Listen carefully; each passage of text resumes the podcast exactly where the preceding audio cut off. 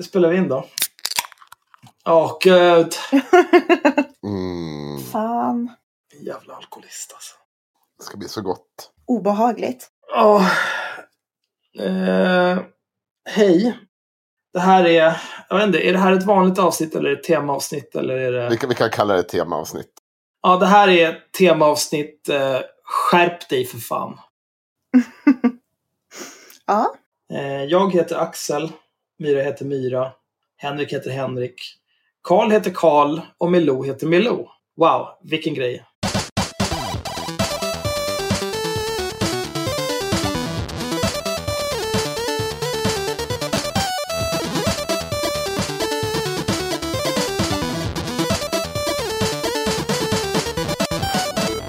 Nu har jag avslöjat att vi har hemliga gäster idag. Ja, men det... Jag vet inte. Det är vi också skruter om det. Har vi det? Ja, ja verkligen. Skitsamma. Eh, vi ska prata om att folk är dumma i huvudet. Mm, det ska vi göra. Specifikt eh, folk som vi faktiskt har pratat om tidigare. För ovanlighetens skull. Annars är vi så bra på fresh content. Mm. Det är sällan vi tar upp någon mer än en gång. Äh, men ni som har eh, lyssnat på de senaste avsnitten kanske minns att vi har haft en del, ehm, eh, en del invändningar mot Elaine Eksvärd på senaste. Eh, bland annat så har vi haft invändningar mot hur hon lite okritiskt har hyllat en organisation som heter Bry. Eh, och då dess, jag vet inte om det måste vara grundare eller ledare Ja. eller på något vis Agneta. Andliga ledare kan vi kalla henne. Ja. Oj. Ehm, jag tänkte att eh, för er som inte har lyssnat på det här så finns det avsnittet som från början var ett Patreon-exklusivt avsnitt som vi gav bort till alla eftersom vi är goda människor. Eh, det finns och heter, eh, heter Elin Eksvärd är extremt klandervärd. Det kan man lyssna på för fulla bakgrunden till det här. Man kan också lyssna på det avsnittet när Axel är pissfull om man vill höra hur det gick sen. Efter det. Ja, just det. Ja. Vi- Vilket av avsnitten? Ja, vi, ja 40... Det är valborgsavsnittet Ja. när, när vi bytte ut dig mot ett fyllo. Ja, Mm. just det. Precis. Nej, jag, jag tänkte mer vilket avsnitt av alla där jag har varit grisfull. Ja, det är inte så, så talande. Nej, men det som hände i korta drag var väl att Elin Eksvärd lägger upp en post där hon pratar om den här eh, organisationen Bry Barn och Agneta Bravelius.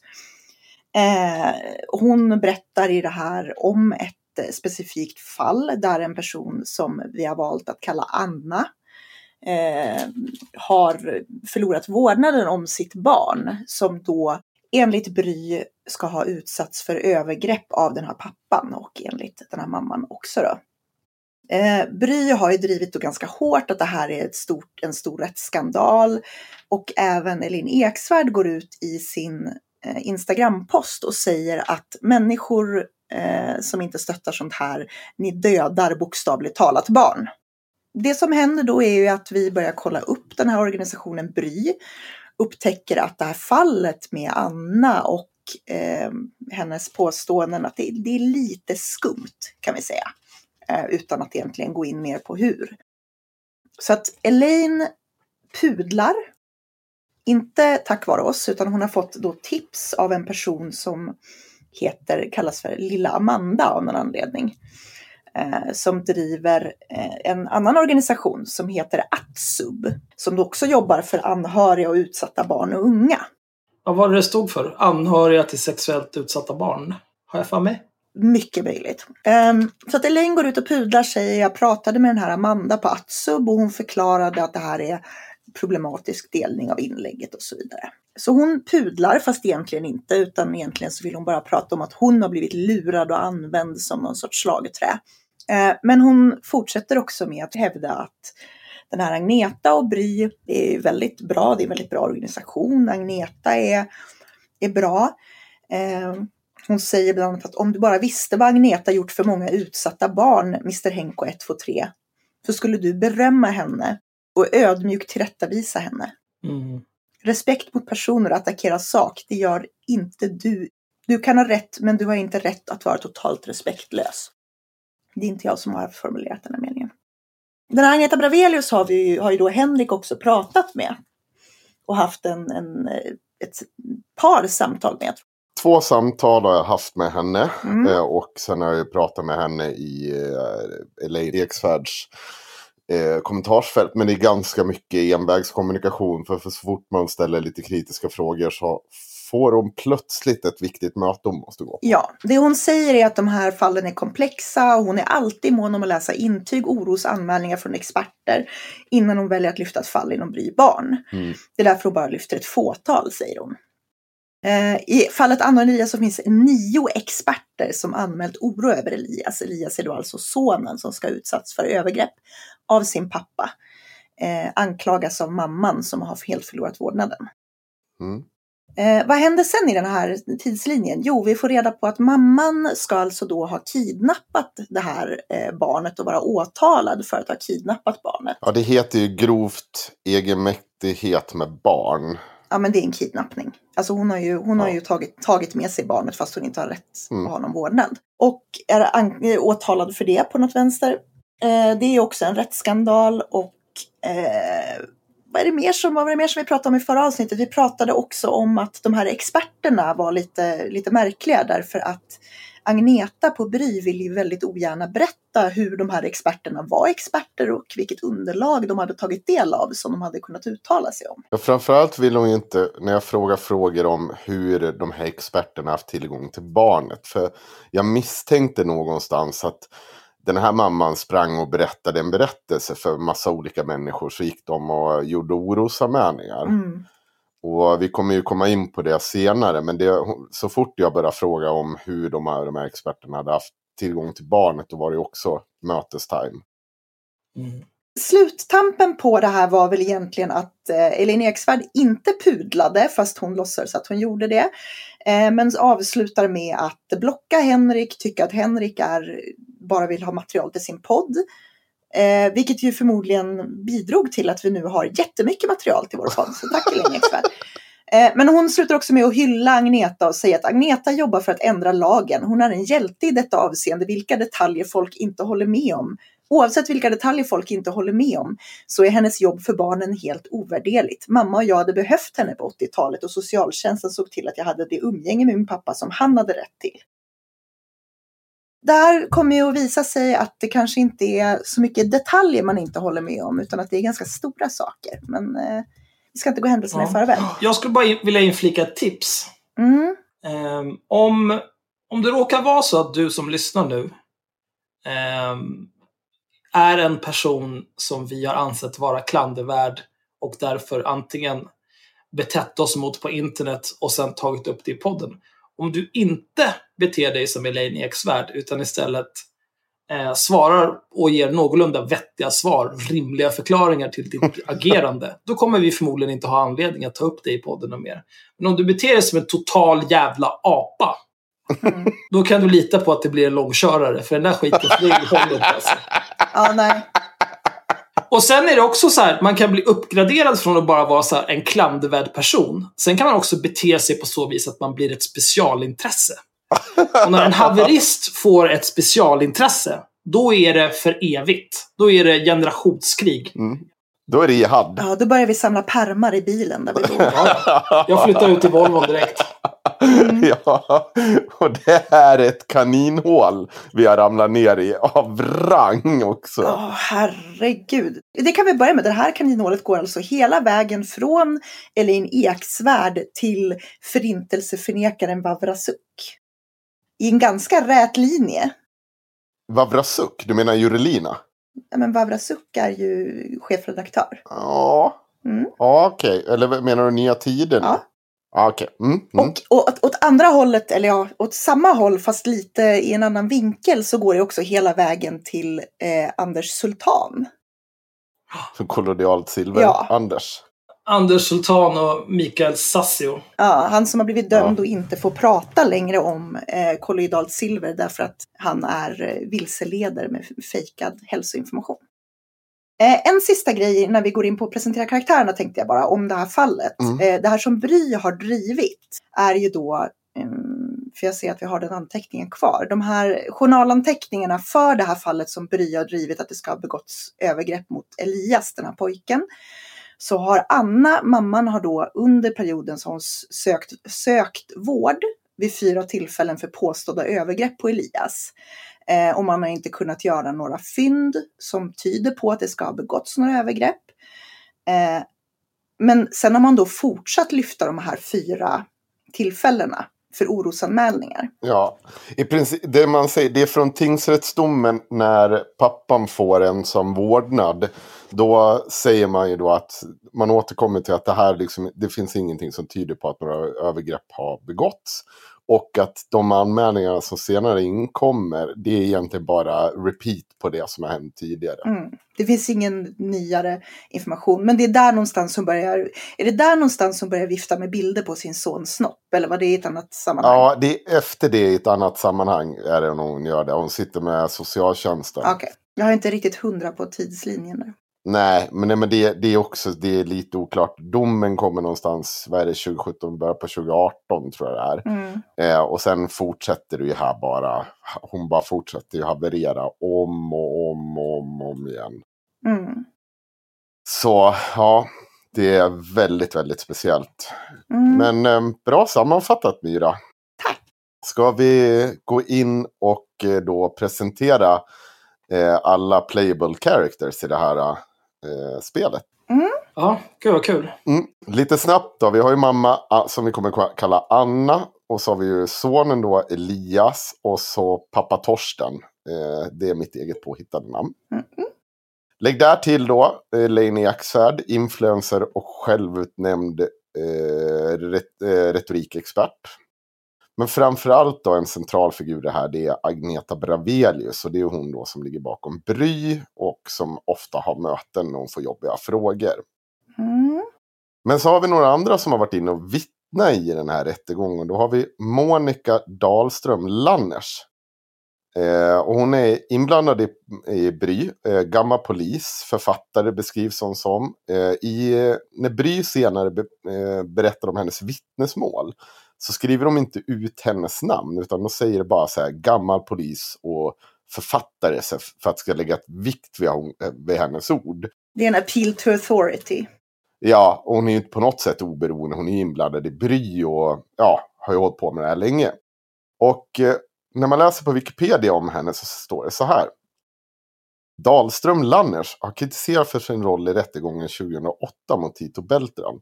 Som anklagad och dömdes för våldtäkt på en barnflicka eh, nio år tidigare.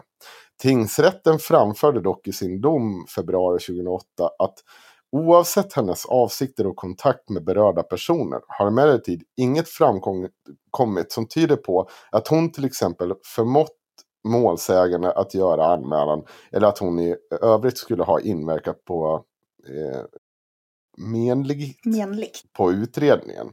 När hovrätten tog upp fallet på nytt i oktober 2008 förklarar hon att den, det gör samma bedömning som tingsrätten när det gäller vad Monica Dahlströms berättar. Eh, hon har också kritiserats av Leif GW Persson i tidskriften för Folkets Rättigheter där han säger så här. Hon flyttade från Polishögskolan på grund av att hon inte ansågs bedriva seriös undervisning.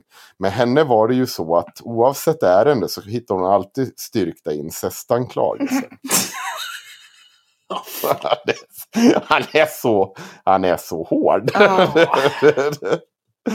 Fan, vi skulle ha mer GV som gäst. Kan han bara sitta och rossla i två timmar. Mm skulle vara något. Men vi kan ju konstatera då att det här är en, en, också en kvinna som har varit inblandad i ett stort antal eh, fall med olika typer av våld mot barn. Då. Eh, och mm. också, alltså, nu hade ju tingsrätten bedömt att hon inte hade gjort någonting fel. Mm. Från det du läste. Och hovrätten. Och hovrätten. Eh, men men det, henne, det har ifrågasatts tidigare, hennes eh, engagemang. Mm. Jag eh, kommer gå in på nästa spelare och det är Jan Björklund. Han har vi också tagit upp i tidigare avsnitt. Han har också varit inne och kommenterat på haveristernas Facebook-sida. Mm. Han har lyssnat på avsnittet där han var med och delade det till sina vänner. Det tyckte jag var bra. Mm. Han eh, skriver eh, långa noveller om hur polis, socialen, eh, konsulter och alla andra konspirerar tillsammans med pedofilen som honom, han benämner det som. Eh, för att då ta barnet från mamman. Och det är Torsten han kallar pedofilen då? Mm. Ja, precis. Och jag har då ringt upp Jan Björklund. Så jag tänkte att vi skulle lyssna lite på hur han ställer sig. Han skulle också vittna i, rättegång, i rättegången. Men problemet var att mamman fick ett frispel och ville ta om en massa detaljer. Hon ville klargöra en tidslinje. Men ja, hon, hon gjorde väl inte så bra. Men Jan sopades då från rättegången. Men jag tänkte att ni ska få höra min, mitt lilla samtal med honom. Jag kommer inte spela om, vi pratade i åtta minuter. Första delen så säger han att han, det här man ska tänka på att det är en liten pojke som är utsatt. Och, Tänk på barna. tänk på barnen. Men så tröttnade vi jag till slut lite på honom. Och jag kan väl säga att det är väl inte min mest professionella intervju jag gjort med någon. Men å andra sidan en jävla kukad, urkukad rättshaverist vi har att göra med. Och jag har inte tid med den skiten. Men-.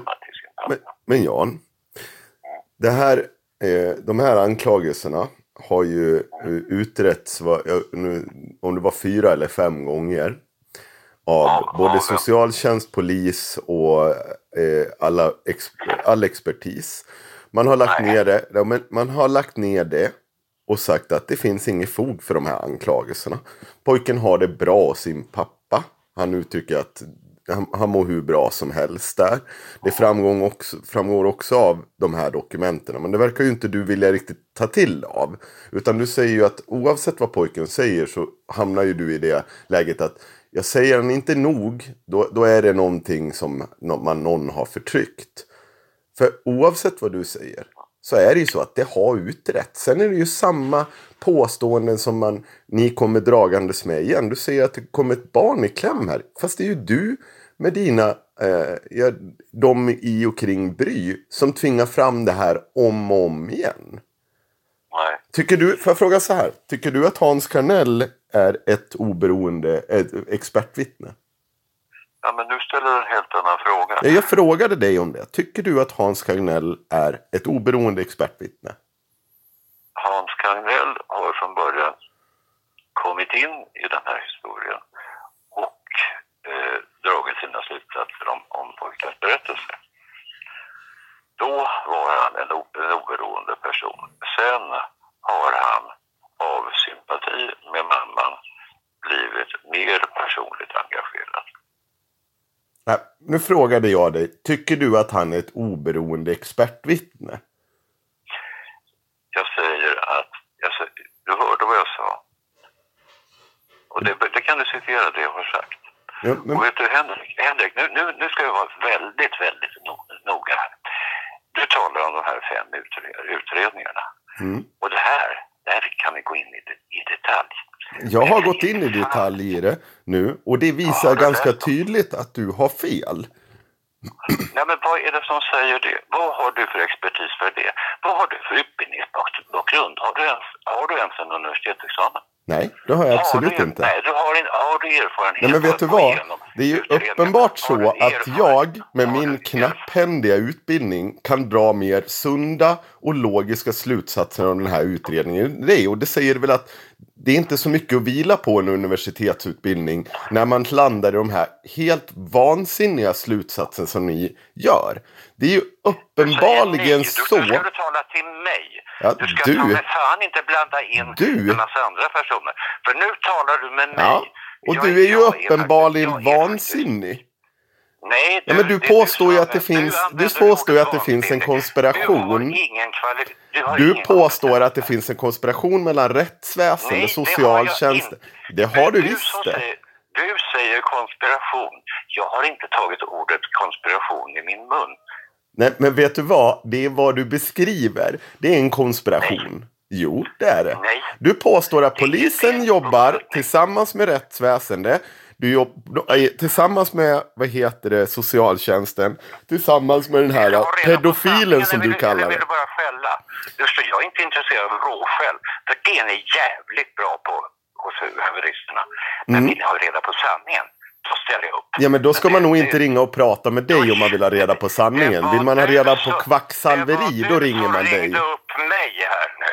Mm, det var det. Och jag tackar för det här samtalet. Jag är beredd att ställa upp på vilken diskussion som helst. Men då ska den, då ska den vara respektfull. Inte i den här tonen. Nej, men jag, Tack för mig. jag har svårt med respekt för sånt där. Ja, det var ju spännande. Ja, det var jag och Jan Björklund. Gud vad jag inte hade tid för hans skit på morgonen i morse alltså. Aj, Det där är ju också alltså, symptomatiskt för haverister. Dels du är ju en jävla haverist som ska hålla på och ringa upp folk hela tiden. Men sen också haverister, de älskar ju att prata om, om sina psykoser. Mm. Om någon hade ringt mig sådär, då hade jag hade bara lagt på. Tack! Nej, nej. Nej, det beror ju på vad de hade frågat dig om. Hade någon ringt dig och frågat om Rashid Musa, då hade du väl låtit precis sådär. Nej, det hade jag inte gjort. För det, man vet ju inte i vilket syfte den personen ringer, man vet inte vem det är. Ja, ja, ja. Vad har, vad har jag för intresse av att prata med dem liksom? Jo, men det är sant. Det saknas liksom självbevarelsedrift. Det här märker man ju hos SD-politiker också, när man ringer dem. Att de är så här, "Jaha, du ringer från IRM. Ja, men ni vill ju bara ta det jag säger och, och få, mig, och få SD att se dåliga ut. Och man bara, jaha.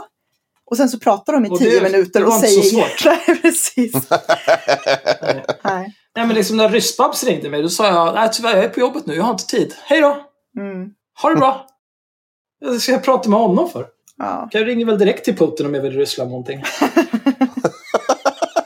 ja.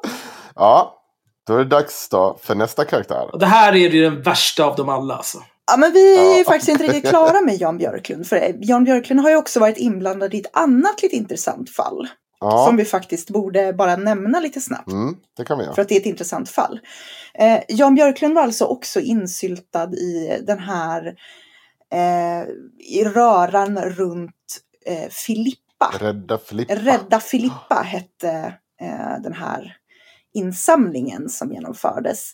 Eh, magasinet Filter har gjort en väldigt bra granskning av det här som man, vi kan länka till. Mm. Men eh, egentligen så handlar det ju om ett, en Facebook-insamling eh, där man uppmanades skänka pengar till en cancersjuk flicka som skulle då åka till Mexiko för en behandling som inte görs i Sverige.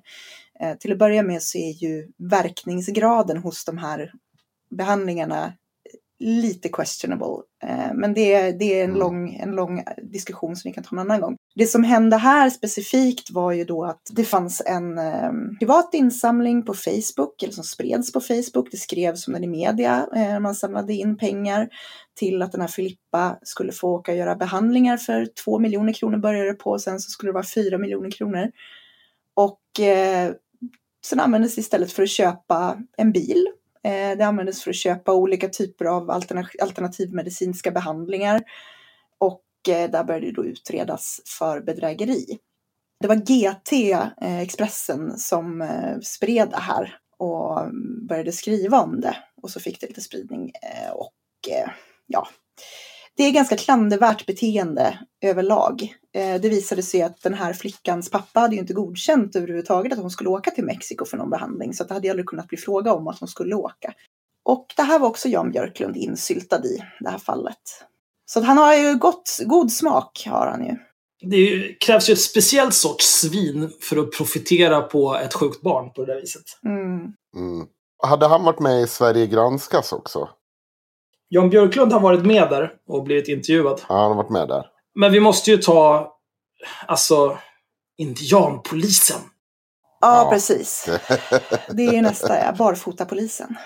Nästa person. Är det en sån jävla hjälte alltså? Mm. vill, du, vill, du, vill du ta det? Ja, men det här är ju någon som lever, alltså, som lever i en aktiv psykos. Eh, Conny Andersson, Mm. indianpolisen, barfotapolisen, spåraren med bättre luktsinne än en hund. Han, han alltså han... Ja, ja, det är så svårt att, att beskriva glädjen jag kände när jag läste det här. Men ja, vi kör. Ja. Oh, det är lätt att hitta kritiska röster mot Tom Brown Jr och Conny Anderssons förmågor. I somras fick tidningarnas telegrambyrå, TT, delvis dra tillbaka en artikel om hur Conny Andersson på eget initiativ hjälpte till med mordutredningen i Lisa Holm-fallet. Den ansågs vara för okritisk. I artikeln berättade han att han kunde använda bland annat sitt luktsinne för att hitta spår som andra missat. Samma förmåga har han berättat om ett flertal gånger. Det här, det här citatet och i vilken, vilken tidskrift det har sagt det Alltså det är perfektion. Jag hittade flyktspår runt helikoptern genom att känna och lukta på marksaften och markens fuktiga vågrörelser berättade han i en intervju med tidningen Jaktmarker och fiskevatten år 2011. Fantastiskt! Då handlade det om det uppmärksammade helikopterrånet i Västberga där han som polis deltog i utredningen. Att han var polis då? Går runt spritt Ja. språngande vansinnig och bara Jo, Ja, men- nej, vi ska gå runt och känna lite på marksaften. De gick den vägen. Men Du vet vad det roliga är?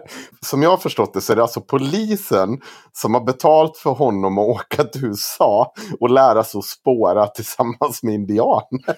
Ja, det är så sinnessjukt. Det är så otroligt sinnessjukt. För mina skattepengar. Ja, för dina Ja, jag blir rasande. Jag tvivlar inte på att de har säkert så här en massa härlig tribal knowledge. Eh, 10 000 år av att springa Mm. omkring Så där. Men samtidigt, vi har liksom spårhundar som är tränade för det här. Vi har helikoptrar. Kom igen! De här native americans, är de, har de tusen år av kunskap på att spåra helikoptrar i marksafter? Det känns fan Ja, tveksamt. Och det, och det är också... Det måste ju också vara en väldig skillnad på liksom vegetationen här i Sverige och vad de är vana vid. Ja, vilka lukter det är också. Ja, men fortsätt att säga vad läs vad han säger för Det någonting. måste ju vara olika typer av vågrörelser i jorden här och där, tänker jag. Så här, marksaften har annan pH-halt, eller fan, inte vet jag. Men det, det kan ju inte vara samma. Ja, vi fortsätter här. Mm. I vissa fall överträffar hans luktsinne till och med hundens, menar han i samma artikel. Mm. Skitsnack! Mm. Inte en chans. Vilket jävla dåligt ljug! Hundens nos är otrolig, men en hund behöver ett färskt spår, till skillnad från tracken. Vadå ett färskt spår? Vad är ett färskt spår i det här? Nej, men vänta, en tracker... Saker och ting luktar ju för fan hur länge som helst. Tracken, han går, nej, men han går runt och känner på olika saker. Trackers går ju inte ens på lukt. Alltså det är så dumt. Alltså trackers, dumt. trackers som letar efter djur och sånt där. De tittar ju på spår i marken och typ brutna kvistar och Ja. skit. Men det är, alltså en hund, ja, jag vet inte. En, vilken jävla människa som helst kan ju fan se, ja här har de sprungit igenom den här busken för det är ett hål i busken. Så, det, men det är ju lättare att låta hunden göra det för den det är så dumt. Men nu kommer det ännu mer bra grejer här. Mm. Ja, men kan, får jag ta det? För jag har ju sett och kämpa mig igenom det här jävla YouTube-klippet. Mm. Han, han vill ju sken av att han har blivit inkallad som liksom någon slags expert i Lisa Holm-fallet. Det har han inte blivit. Ja. Utan han menar ju på då, eh, eh, tydligen är han, om jag har förstått det, inbetald av eh, den åtalade, han som varit dömd, eh, advokaten där, få testa spår. Och det är väl någon stackars advokat som är helt desperat för att försöka frikänna sin. Men han har ingenting med polisutredningen. Men han vill gärna ju sken av att han var med där på officiella grejer. Han var någon sorts expert. Han har storhetsvansinne. Ja, han, har, han har ju dragit vissa andra slutsatser och, och menar ju då att den här äh, Esten, eller vad fan det var, som faktiskt dömdes för det här. Han, han har ju blivit utsatt för ett justitiemord. Och det har ju för övrigt Conny också blivit. Lite oklart vad det är han har blivit utsatt för sorts justitiemord. Men han upprepar det gärna och ofta. Eh, men han har ju då en egen teori om det här. Eftersom alla spår leder i en specifik riktning så är de här spåren planterade. Och egentligen är det Mossad, alltså Mm. israeliska underrättelsetjänsten, som ligger bakom mordet på Lisa Holm. Alltså om man börjar med det första. Ja. Eftersom alla spår leder åt samma håll. Så Ja. är de planterade. Eller så var de på väg åt ett håll. Vad är det för dumheter? Han, ja, men han måste ju ha, lida av ett förståndshandikapp. Det är inte om jag ska gå, om jag ska gå ner till Gullmars, då går väl jag raka vägen. Jag går väl inte 13 jävla omvägar runt hela världen. Det är för idioti. Mm. Men han har massa så teorier om att det är för lätt och det är för... Eftersom spåren är för enkla och... Ja, då, då måste det vara Mossad istället. Det här är ju standard hos sådana här konspirationsteoretiker. Att den enklaste lösningen är ju aldrig den Nej, det samma måste vara lösningen. mycket mer komplicerat. Det är ju därför också den amerikanska, för att den amerikan, liksom, det finns ju någon sorts konspiration bakom 9-11 också. Därför att det vore ju alldeles för enkelt att bara ta ett plan och köra in det i tornet. Mm. Så att det kan det ju inte ha varit, utan det måste ha varit sprängladdningar. Men det här, han gör ju bort sig lite grann här också. För att om det nu var så jävla enkelt att följa men han inte hittade några andra spår som ledde bort från det här spåret. Då, liksom, då är han ju uppenbarligen inte en så jävla bra tracker. Om man inte hittade de riktiga spåren. Nej. Ja. Om nu Mossad har liksom sprungit runt där och städat undan sina egna spår. Och var, varför skulle Mossad vilja döda Lisa Holm?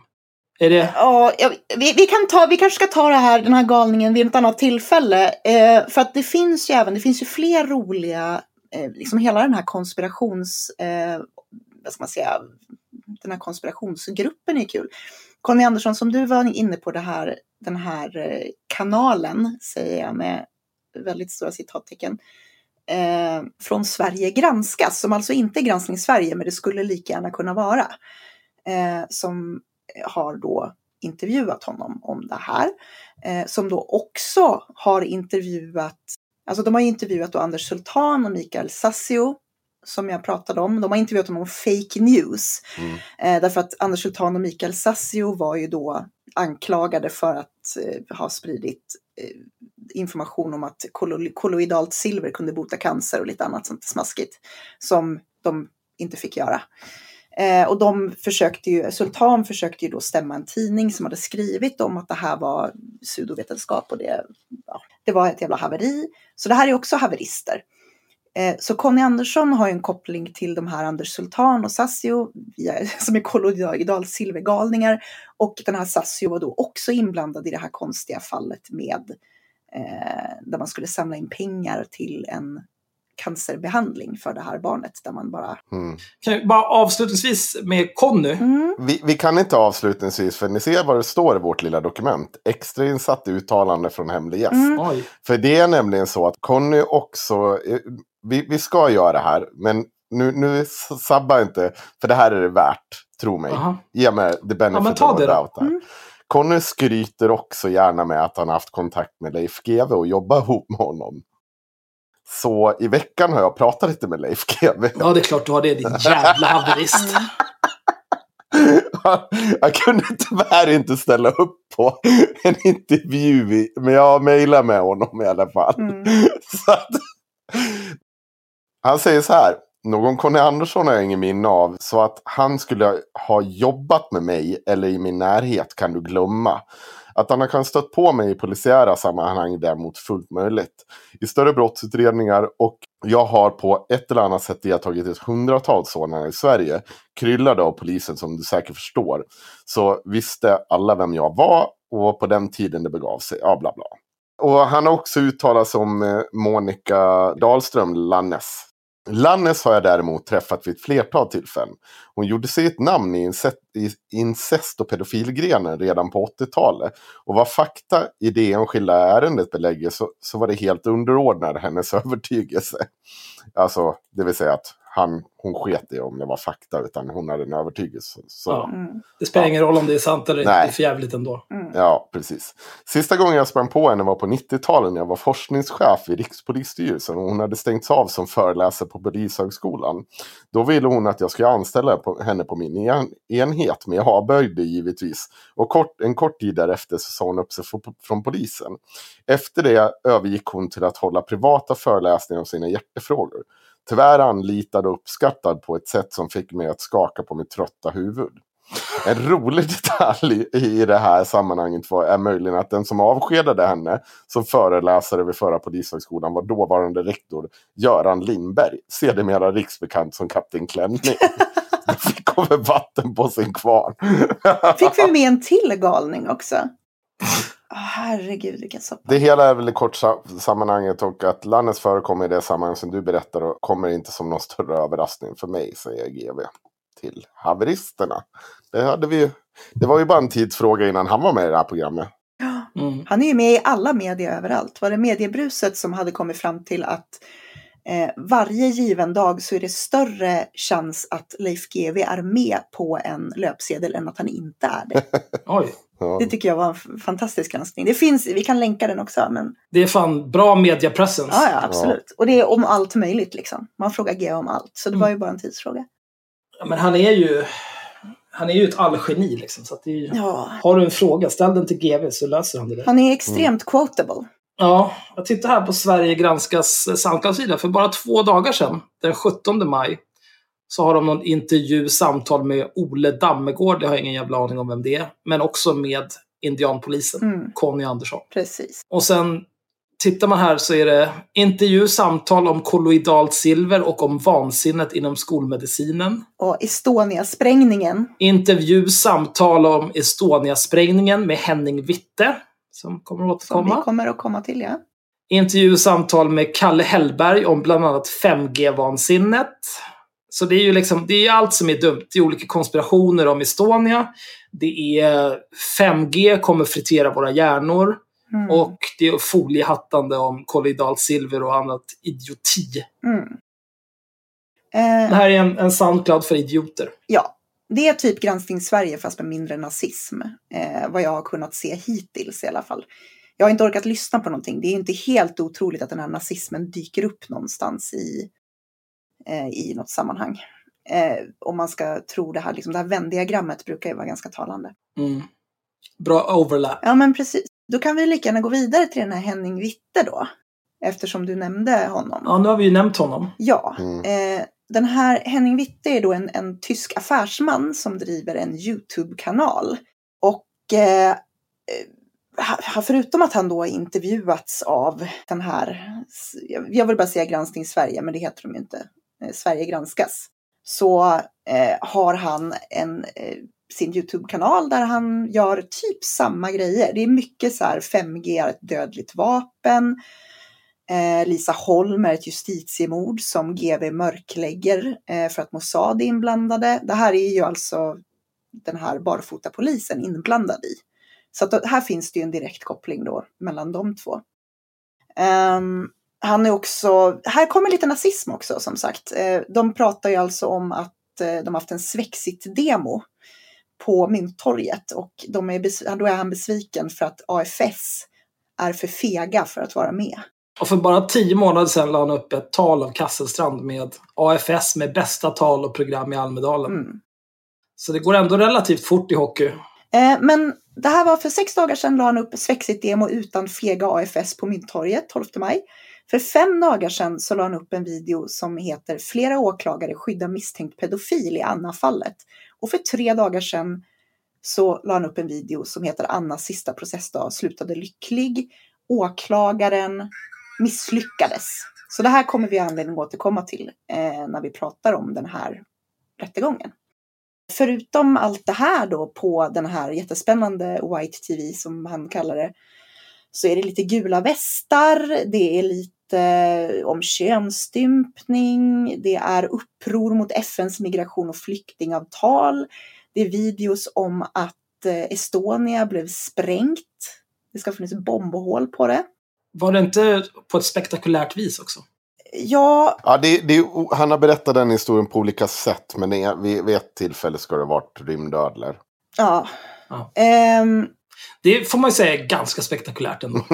Ja, det är lite spektakulärt. Eh, han har även en video som heter Riksmötets öppnande efter fuskvalet 2018. Han har också David Icon Reptiles and uh, Archons AI the biggest eh, danger. Mm. Alltså reptiler. Ja. Mm. Sen har han en hel del videos här med Juri Lina. Eh, som ju är, jag tror att vi kan ha nämnt honom tidigare när vi har pratat om Bokmässan troligen. Och Nya Tider, kan det vara så? Mm. Eh, Juri Lina är ju alltså, har ju deltagit med eh, saker till Nya Tider. Och han tror ju även på aliens och har ritat en massa olika aliens på ett väldigt, väldigt roligt sätt. Huvudfotingar. De ser lite ut som att det är barn, så huvudfotingar precis. Det är som att det är barn som har ritat dem. Mm. Ehm, så det, jag, tror, jag tror att jag har använt honom som exempel faktiskt när jag pratat om varför Nya Tider är mer en foliehattstidning än en nazisttidning. Eh, han har även lagt upp Fabian Fjelling, såklart, från Granskning Sverige. Mm. Eh, Fabian Fjelling har spelat in en video där han är klädd i sin eh, pilotkostym. Jag har inte sett den, så jag var tvungen att ta fram den. Fabian Fjelling, sista inlägget från min sida. Bonnier triggar hot. Så det här är en riktig jävla foliehatt. En total galning. Det är en total galning. Ehm, så att hittills har vi ju då, vi, det, det är ju lite roligt. Jag tror att han också hade någonting om de här chippen, va? Eller vem var det som hade det? Hon hade ju det, den här Amanda. Ja, nej, nej, det är han som, det är precis, Ja. Amanda delar ju hans inlägg. Ja, och om chippen. då säger de, ja, då, då ska det, det är ju också White TV. Mm. Och så Folkets Demo har han ju såklart varit aktiv i också. Ja, han, han har varit precis överallt. Ja, men det är, det är, samma, det är samma grupper. Det här är roligt. Åsiktsregistrering på DN med psykförsvarets hjälp. Ja, mind control. Google censurerar mind control, mind control av Jonas Runnemark. Vad är psykförsvaret för någonting? vet inte. Va? Men mind control triggar invandring. Det tycker jag också är fantastiskt. Ja. Den kollar det lite på. Man, man, man får cancer i hjärnan av att lyssna på honom. Mm. Det är vedervärdigt. Kan vi ta några sekunder nu för vår klippare och för det här kommer man behöva klippa bort. Eh, Jag är lite orolig att allting av mitt har försvunnit nu. För det är ingenting. Ja, men det, är, det går inte att göra någonting åt det i så fall, Henrik. Nej. Det, det är bara att acceptera. Men kan du googla lite och se om Men- det görs? Nej, men inte nu, Henrik, för helvete! Nu gör vi klart avsnittet. Är Ja, det så att okej. början har försvunnit, då får vi spela in första delen igen. Och så klipper Mm, vi ihop okej. det. det. är- Så kan det vara. Ehm, Och du, du klipper inte bort något av det här. nej. Nej. Det här, är en, det här är en publicistisk diskussion. Det är viktigt för Det här är en transparensen. publicistisk diskussion som vi gör lyssnarna delaktiga i. Mm. Eller så straff. Vi fyller ut tiden. Det är viktigt. Ja, Men här kan man ju passa på att nämna någonting helt annat. Men jag vill faktiskt också flika in, inte nämna någonting helt annat. För jag vill säga om YTV, eh, vi hade ju ett väldigt roligt Patreon-exklusivt avsnitt, Bli Patrons, eh, där vi pratade om att Ingrid Carlqvist pratade om eh, att Olof Palme, det fanns en konspiration, att Olof Palme inte alls hade blivit mördad och så vidare. Eh, Mm. och gissa vad jag hittade nu på den här YTV? Jo, besvärande uppgifter mot Olof Palme som Ove Rainer hade kommit ut med efter att han tvingats avgå först som justitieminister och sen som justitieråd. Kort därefter dog han alldeles för tidigt. Man blir ju misstänksam. Det här känns ju bekant, eller hur? Intervjun är en viktig del av Sveriges idrotts och presshistoria. YTV har sökt flera på DN för en kommentar, men de har som vanligt inte svarat. Man hoppas väl att YTVs tittare är så få att det är bättre att tiga ihjäl skandalen. Men den ekvationen är fel. YTV växer kraftigt och har cirka en miljon sidvisningar varje månad och sprids flitigt på alternativa media. mm. Så cirkeln är sluten kan man säga. En miljon per månad, det har jag svårt att tänka mig. Han har 5000 följare. Eh, så att jag har lite svårt att tänka mig det. Men vad vet man? ja. Mm. Mm, nej, det tror jag inte. ja det, är en, det är en extra galning. Sa vi att eh, han också, det är han som har gjort alla videos från rättegången tillsammans med Conny, barfotapolisen. Ja, vi har inte sagt det. Vi kommer till det tänker jag. Men eh, Mm. vi kommer ju, det kan- kan ju vara bra att ha det här i åtanke när vi börjar prata om hans rapportering. Mm. Så har vi Ja. en sista person då, Då- som ska... Nej, vi har två. En person och en organisation som också ska Ja. med i galleriet här. Eva Solberg, eh, moderat politiker, eh, men som idag jobbar enligt egen utsago på Moderaternas riksdagskansli, har ju sett och begärt ut papper i ärendet också. Och jag har fått tagit del av eh, vissa handlingar därifrån. Och då kan man läsa följande. Följande mejl har inkommit från ordförande vid sociala delegationen, Birgit Marklund Mayer. Eh, ikväll har jag blivit uppringd av en person i socialnämnden, Eva Solberg, gällande ett barn som far illa. Det måste vara samma barn som vi mejlat om. Hon sa att pojken hette Elias. Så står det inte. Eva fungerar tydligen som medlare. Förstod inte riktigt hur. Hon meddelade, meddelar vidare att polisen har beslagtagit pappans dator. Var polisanmäld och att det finns fog för incest. Han skulle nog bli häktad. Det är någonting hon har ringt in om. Eh, till, ja, man ska väl säga till socialtjänsten då. I ett senare, eh, vad ska vi säga, det, man, det här kallas anteckningar för övrigt. För de- senare anteckningar. Ja, Alla de här anteckningarna är registrerade samma dag, men mm, när, när det väl skedde så. ja. Eh, telefonsamtalet till Eva Solberg gäller den oro hon har förmedlat till ordföranden vid sociala delegationen. Eva berättar att hon av en slump blivit kontaktad av en person som ej vill namnge, som arbetar, arbetar vid en statlig myndighet och är en del av rättsapparaten. Gällande att eh, Elias under en längre tid ska ha utsatts för övergrepp, att det pågår saker hemma hos fadern. Eva har tagit del av samtliga handlingar i ärendet via ett ombud. Hon har fullmakt som har gett henne den möjligheten. Det här är också så jävla oklart om det här verkligen stämmer. Eh, men den här Eva har i alla fall blivit inblandad. Eva har varit i kontakt med skolan och två läkare. Samtliga är mycket oroade över att ingenting görs för Elias. Och det här stämmer inte för skolan är inte orolig över det här. Utan det, de, man får en helt annan bild när man läser vad skolan. De säger att han är en fungerande pojke och har det bra och bla bla bla. Eva menar att hon inte har sagt att faderns datum beslagtagits. Eh, ÖK att Eva gör en skriftlig sammanfattning av sin eh, oro. För er som aldrig har jobbat i kundservice eller med att skriva den här typen av anteckningar. ÖK, det är överenskommelse. Ja, Men här, det, någonting jag tycker är spektakulärt med det här, ja, det är... Eh, hon, menade, hon meddelade vidare att polisen har beslagtagit pappans dator, var polisanmäld och att det fanns fog för incest. mm, Den här personen som har skrivit den här anteckningen, eh, jag tror inte att den personen har någon som helst anledning att sitta och hitta på att Eva Solberg har sagt det här. nej, Nej. nej så är det ju. Men är det inte då lite pikant att Eva Solberg ändrar sig? Ja. Ja, alltså jag tror ju att hon har, hon säger ju det här att någon del av rättsapparaten och dittan rattan, det, det går ju bara att spekulera i. Jag har inte ringt Eva av alla jävla människor, men Jag har däremot eh, tittat på, på Eva i sociala medier. Hon är väldigt engagerad i frågor som rör barns eh, rätt och verkar av allt att döma väldigt välmenande. Eh, och skriver en hel del om och delar en hel del om just sånt där. Alltså hon sitter ju alltså i Moderatkvinnornas riksstyrelse bland annat. Eh, mm, och jobbar i Stockholms stad. Så att hon har ju rätt viktiga jobb. Hon verkar, ja, hon verkar ganska engagerad i stort i socialtjänstfrågor och barns rättigheter och sådär. ja, Det, jag kan inte hitta något så uppenbart märkligt liksom med henne i det hon har delat och skrivit och sådär. Nej, vi, vi ska ju tillägga så att anledningen att vi tar upp henne överhuvudtaget är inte för att nödvändigtvis hon har varit klandervärd. Men det är att få visa på mängden av personer som har dragits in i den här jävla härvan. Mm. Och hur de åter... Det är liksom, de tar del av samma information så gör de nya orosanmälningar. Och det är ingen som stoppar dem för att det, de bara testar liksom att bombardera med orosanmälningar. Sen att de har blivit nedlagda och att man har utrett de här sakerna, det betyder ingenting för den här kärngruppen. Mm. Utan man bara gör om och om, om igen. Och hoppas på ett nytt resultat. Men ja, jo det kan ju vara värt att Mm. nämna. Liksom. Men, sam- men samtidigt, jag vet inte, är det lämpligt att en politiker håller på så här? Och ska in och rota i Nej. enskilda fall och dessutom... Jag tycker inte heller det. Nej, men det är också så här, alltså jag, jag, jag, jag tror att hon ljuger när hon säger, andra gången de pratar med henne och säger att hon inte har sagt att det, han är häktad, att datorn har beslagtagits och så Mm. vidare. Ja. För var, varför i helvete ska det, var ska det komma ifrån från första början? Mm.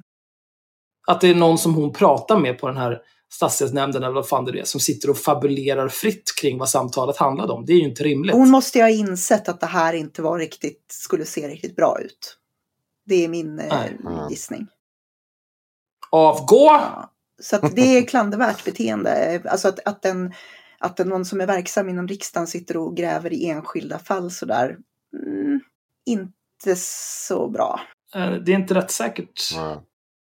Eh, så det kan man ju ifrågasätta. Ska ringa och prata med henne nästa vecka. Men vi har ju fler exempel också på olika typer av välmed... Alltså många i den här soppan, eller flera, många ska jag inte säga, många verkar ju helt knäppa. Men flera i den här soppan kan ju faktiskt antas vara ganska välmenande och de har eh, Brys version som av förklarliga skäl är lite konstig och ganska ja, eh, vinklad kan vi kanske säga. Mm. Och köper den rakt av för att de, man, man tror på dem liksom. ja. Mm. Mm. Sen hade vi en organisation också på listan. Ja. Eh, och det, jag vart så jävla... När jag såg det här, jag bara, nej men vad fan är det frågan om? Eh, glöm aldrig Pela och Fadime. Där Hans Kagnell har varit aktiv, Karnell har varit aktiv.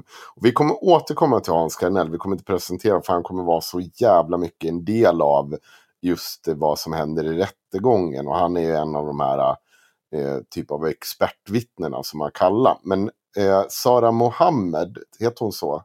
Som är ordförande för Glöm aldrig Mm. Pela och Fadime. Hon blir kallad som någon slags karaktärsvitte. karaktärsvittne för Hans Garnell. Hon har också träffat mamman Anna vid en tidpunkt. Och, eh, men hon har faktiskt avrått henne från att fly. Eh, det ska tilläggas. Det är vad som framgår i utredningen. Så att man ser att det är liksom allt från politiker till ja, influencers till fan och hans moster som har varit inblandad i det här fallet på ett sätt eller annat. Och det är väl också poängen med det här lilla sammanställningen. Och framförallt barfota-polisen. Fan är sånt jävla charmtråd. Mannen, myten, legenden. Ja, för fan. Det där är ju, du vet, det där är ju en sån där riktigt lokal, han kommer, lokal fantast som folk kommer sitta och skratta åt. När han går runt där med sitt långa hår och barfota inne på Konsum och bara beter sig konstigt och muttrar för sig själv och springer och gömmer sig under en sten när han ser en helikopter flyga förbi. Ja, men det där är en sån där som kommer att typ flytta ut i skogen och bilda någon sorts smisksekt. Liksom, ungefär som Han har Scheike. redan flyttat ut i skogen vad jag fattar. Ja, men då är det bara smisksekten kvar. ja. Det är väl i och för sig... Det är väl en sundare sy- dagsysselsättning än det han håller på med nu. Ja, bara Mm. den inte har internet. Springer runt och, och känner på marksaften. Ja. Vad är det för dumheter? ja, Ska vi gå vidare till, eh, till att prata om eh, den här eh, rättegången? Och ta in våra gäster. Nej, vi, vi, ska, vi ska göra så här. De, de är ju fortfarande på mute. Men de ska lyssna extra noga nu. Jag vet att de har säkert läst den här artikeln. För det har jag skickat till dem. Eh, så att jag tänker att Axel först och främst ska få läsa den. Så ska jag också spela upp lite filer för er. De är inte lika långa. Men eh, ni ska få lyssna på ett par uttalanden från då. Eh, Marksaftsluktaren. Conny, Conny. Barfotapolisen. Hundnäsan. Mm. vågfrekvenskännaren. Mannen, myten. Idiotjävel. Mm. Jaha, det här är då på agnetablavelius.se. Mm. Annas fjärde dag i tingsrätten, publicerat den 14 maj 2 lax 19. Mm. Idag är det den fjärde rättegångsdagen för Anna. Hon står anklagad för förtal och grov egenmäktighet med barn. Kort bakgrund. Trots att flera experter träffat Elias och hört honom berätta om de övergrepp pappan utsatt honom för så ansåg socialtjänst och domstol att pappan skulle ha vårdnaden. Anna gjorde det hon enligt lag är skyldig att göra. Hon skyddade sitt barn. Ja, absolut. Utan stöd från myndigheterna så kände hon sig tvungen att gömma sig med Elias. Sex poliser hämtade dem den 13 i tredje. Anna har suttit häktad sedan dess, med restriktioner. Oj. Mm. Hon är åtalad för grovt förtal samt e- egenmäktighet med barn, grovt brott. Det är ju inte... Ja, det är inte snatteri direkt. Ah, Kom gärna till tingsrätten i Stockholm, Rådhuset, för att visa ditt stöd. Bry finns på plats direkt efter säkerhetskontrollen. Eh, 12.40 idag för dig som vill sitta med i eftermiddag, 8.40 imorgon bitti. Nedan rapporterar jag det som sker i grova drag från rättssalen. Observera att Anna och Elias egentligen heter något annat. Förhör med Anna fortsätter från förra rättegångsdagen. Elias företrädare inledde med att ställa frågor till Anna. Hon ställer frågor angående en bilolycka som Anna var med om. Hade hon fått psykiska skador efter bilolyckan? Nej, bara fysiska, svarade Anna. Advokaten frågar om hon bott på skyddat boende i samband med att hon lämnat pappan. Anna beskriver att hon blivit erbjuden stöd i samband med födseln. Barnmorskorna blev oroliga på grund av pappans misshandel. Hon tackade nej. Advokaten frågar om Anna upplever att hon blivit tagen på allvar någon gång. Anna menar att problemen kom när pappan kom in i bilden. Han utsatte henne för misshandel och är bra på att manipulera. Det här med misshandel, vad, vad är det för något? Ja, det är ingenting som han är dömd för. Och det är vad jag vet ingenting som liksom... Jag vet inte ens om han blivit anmäld för det. Vad jag, inte vad Ja. jag kan se jag kan i alla fall. inte minnas att det någonsin har tagits upp Nej. någonting om misshandel. Det har väl bara varit övergrepp. Ja, jag, det är därför jag frågar, för jag Mm, känner inte igen det alls. nej, Men det är ju kul. Jag jag förstår ju, börjar förstå varför hon är anmäld för grovt förtal. Mm. mm, Eh, pappans advokat ställer frågor till Anna. Vad arbetade Anna med? Vad försörjde hon sig på? Anna berättade om sina utbildningar och vad hon tidigare arbetat med. Hon lämnade anställningen då hon fattat beslut om att studera. Hon hade studiemedel. Har hon varit sjukskriven? Nej. Hon har inte haft någon inkomst under hösten 2018 då hon levde på flykt. Ljudinspelningarna med pojken, hur många har Anna spelat in när det gäller frågor till Elias? Tre till fyra stycken. Anna menar att hon mest spelat in samtal med myndighetspersoner. Nu pågår den sjätte vårdnadsutredningen sedan 2015. Finns det någon av dem som gjort utredningarna som hon litar på? Anna menar att hon upplevde att hon inte blev tagen på allvar. Klockan 09.30 begär pappans advokat stängda dörrar, vilket domaren godkänner. Efter 20 minuter öppnades dörrarna igen. Pappans advokat fortsätter förhöra Anna. Hur mådde Elias under flykten? Han var utåtagerande och mådde dåligt, men med tiden började han må allt bättre. Det finns flera utredningar från socialtjänsten som pekar på att Elias har det bra hos pappa. Domstolen har dessutom givit pappan vårdnaden. Vad ska få Anna att känna sig trygg? Att pojken får skydd från pappans övergrepp och våld. Anna menar att hon inte blir tagen på allvar av myndigheterna. Mhm. Alltså det är extremt rättshavererande det här. Mm. Det är ju liksom, nej, kommer aldrig bli nöjd förrän det blir som jag vill. Inne på sjätte utredningen om vårdnad nu liksom. Visst, jag kan förstå så här att man är skeptisk efter den första. Efter till och med den andra och tredje. Men när man är inne på den sjätte, då någonstans får man väl acceptera att det kanske inte är så som du tror att det är. Mm. Eller? I alla fall kanske man ska acceptera att det inte går att göra precis samma sak och få folk att tro att det är så som man är övertygad om att Ja. Oh. Kände hon de olika läkare som dokumenterat skadorna på Elias kropp sedan tidigare?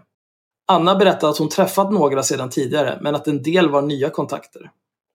Vem hade uppmuntrat henne att fly? Det beslutet fattade hon själv. Hon flydde för att hon inte stod ut att se pojkens skador. Va? Varför spelade Anna in Elias? Till en början kunde hon inte förstå varför han inte ville åka tillbaka till pappan. Sedan började han rita teckningar, berätta vad pappan gjorde. Han beskrev tydligt trots att han bara var fem år gammal.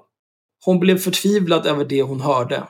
Han berättade samma om och om igen. Detaljerade beskrivningar av vad pappan gjorde. Anna berättar om när en konsult från socialtjänsten dolt vad pojken berättat och därmed påverkat kommande utredningar. Ingen tog Annas oro på allvar, trots att hon visat bilder på skador på Elias kropp. Hon berättar också hur allt vänds emot henne i den fortsatta utredningen. Mm. Jag kan säga det, jag- de här, jag har kollat på de här bilderna i eh, förundersökningen. Och man ska väl komma ihåg att jag gör ett lekmannamässigt uttalanden också. Men eh, när man ser de här blåmärkena, eh, det är liksom vanliga blåmärken på vanliga ställen. Alltså det är inte så här bara, ja, jo visst det här hade kunnat varit en misshandel. Det hade också kunnat varit ett barn som är aktivt. mm. Ja. Nej, det är inte så här, det är liksom så vanliga blåmärken. Det är inte liksom efter grepp efter, alltså blåmärken efter grepp efter fingrar. Nej. Det, det är så, så, så konstigt, helt plötsligt fotar hon här på hälen. Man bara, jaha, vadå? Menar du att liksom Vad ska ha hänt på hälen? pappan står och nitar sonen på hälen? Alltså det är så konstiga, eller på fot, ja det, det är så konstigt. Om blåmärkena har funnits där Mm. Eh, och hon har kunnat ta bilder på de blåmärkena, då måste hon ju också ha kunnat ta sig till en läkare som har kunnat undersöka Elias. Mm. Och göra någon typ av utlåtande. Vad... Men det har hon väl också gjort och det har avfärdats av läkare. Ja, det, vi, vi kommer komma till det också. Till, till stor del är det ju att alla de här bilderna visas upp i en klumpsumma sen för olika personer. Det är ju så hon, det är ju hennes modus operandi, att de visar upp alla i ett och samma, liksom, titta vad mycket blåmärken det finns. Och det är klart att om du tar, för jag tror att framförallt alla föräldrar förstår det där ute, att om ni skulle fota alla blåmärken ni har på era, hittar på era barn, visa upp dem i en klumpsumma och säga att någon annan misshandlar barnet, så, ja, det skulle lätt kunna framstå att oj vad mycket blåmärken, men ett barn som liksom, man måste ju tänka på, de springer, krälar, gör allting. Det är liksom blåmärken 24-7. Det är ingenting nytt under solen. Och det är väl lite det man ser på de här bilderna. Alltså, visst, en, med, tillsammans med en historia så kanske du springer och gör en orosanmälan som läkare. Men om du bara ser ett blåmärke på ett barn och så, nej men, jaha, vadå, har en spelat fotboll, vad har den gjort för någonting? Vad är det, som händer här? Ja, Åh. Ehm. Annas advokat förhör Anna. Anna berättar att flera läkare som träffat pojken uttryckt stark oro. Pojken mår mycket dåligt. Ingen utreder. Socialtjänsten ignorerar anmälningarna. Istället polisanmäler de Anna. De menar att Anna kränker pojkens integritet genom att fotografera skadorna på kroppen. Det är lite konstigt i och för sig. Nej, det är det faktiskt inte. Om, om mamman... Eh, Är de här snoppbilden? ja, nej, nej, ja, men inte bara det. Men om du konstant drar pojken in i de här situationerna. Du ska fota, du ska visa upp honom för andra personer. Och det inte har hänt någonting. Ja, då gör du det i slutändan. Mm. Det är inte konstigt att det blir en diskussion. Och framförallt om då socialtjänsten så bara, men nu har vi utrett det här flera gånger. Nu kommer du upp med ett nytt blåmärke eh, på snoppen eller vad, och, och påstår att det här är någon slags skada. Det är konstigt. Du, du, så gör du inte mot ett barn, för du drar ju den in i den här situationen hela tiden. Ja. Mm. Ingen läkare förhörs. Ingen frågar pojken. En chef på socialkontoret menar att det är Annas ansvar att skydda pojken om hon har uppriktig oro. De har frågat pojken inför pappan om pappan slår honom. Elias sa, jag vågade inte säga som det är. Elias fick förtroende för en legitimerad psykoterapeut som han träffade under flera gånger. Pojken berättade detaljerat vad han varit med om. Mm. Vem är den här psykoterapeuten då? Jo, men det är Hans Karnell. Ja, det är klart det är det. Ja, och det stämmer inte. Han har inte träffat Elias så många gånger. Han har inte haft den här diskussionen. Det, det kommer återkomma till det också. Anna beskrev hur skadorna fortsatte under flera månader. Elias var tydlig med vem som utsatte honom och hur det gick till. Anna beskriver den frustration hon känner över att inte ha fått hjälp. Hon går till ytterligare en läkare som ser skadorna på pojkens kropp. Även där berättar Elias vad han varit med om. Socialtjänsten menar att hon fortfarande hittar på. En dag fick hon nog. Efter flykten vill inte Elias berätta mer. Han visade upp ett aggressivt och sexualiserat beteende. Mm. Han har uttryckt önskan om att pappan skulle dö. Hon kontaktar socialförvaltningen igen. De tar henne fortfarande inte på allvar. Annas advokat tar paus i förhöret med Anna på grund av att ett vittne ska höras. Fan, kommer ni ihåg när det här var en lättsam podd där vi satt och drack öl och så här. Ja, Kommer ni ihåg vad den där dumma jävla kuken skrev på Twitter idag? ja, det var så mycket skönare. Men, men jag, har en, eh, jag har en fråga här. De pratar ju alltså om att Elias, barnet, ska ha beskrivit eh, övergrepp till socialtjänsten eller till läkare.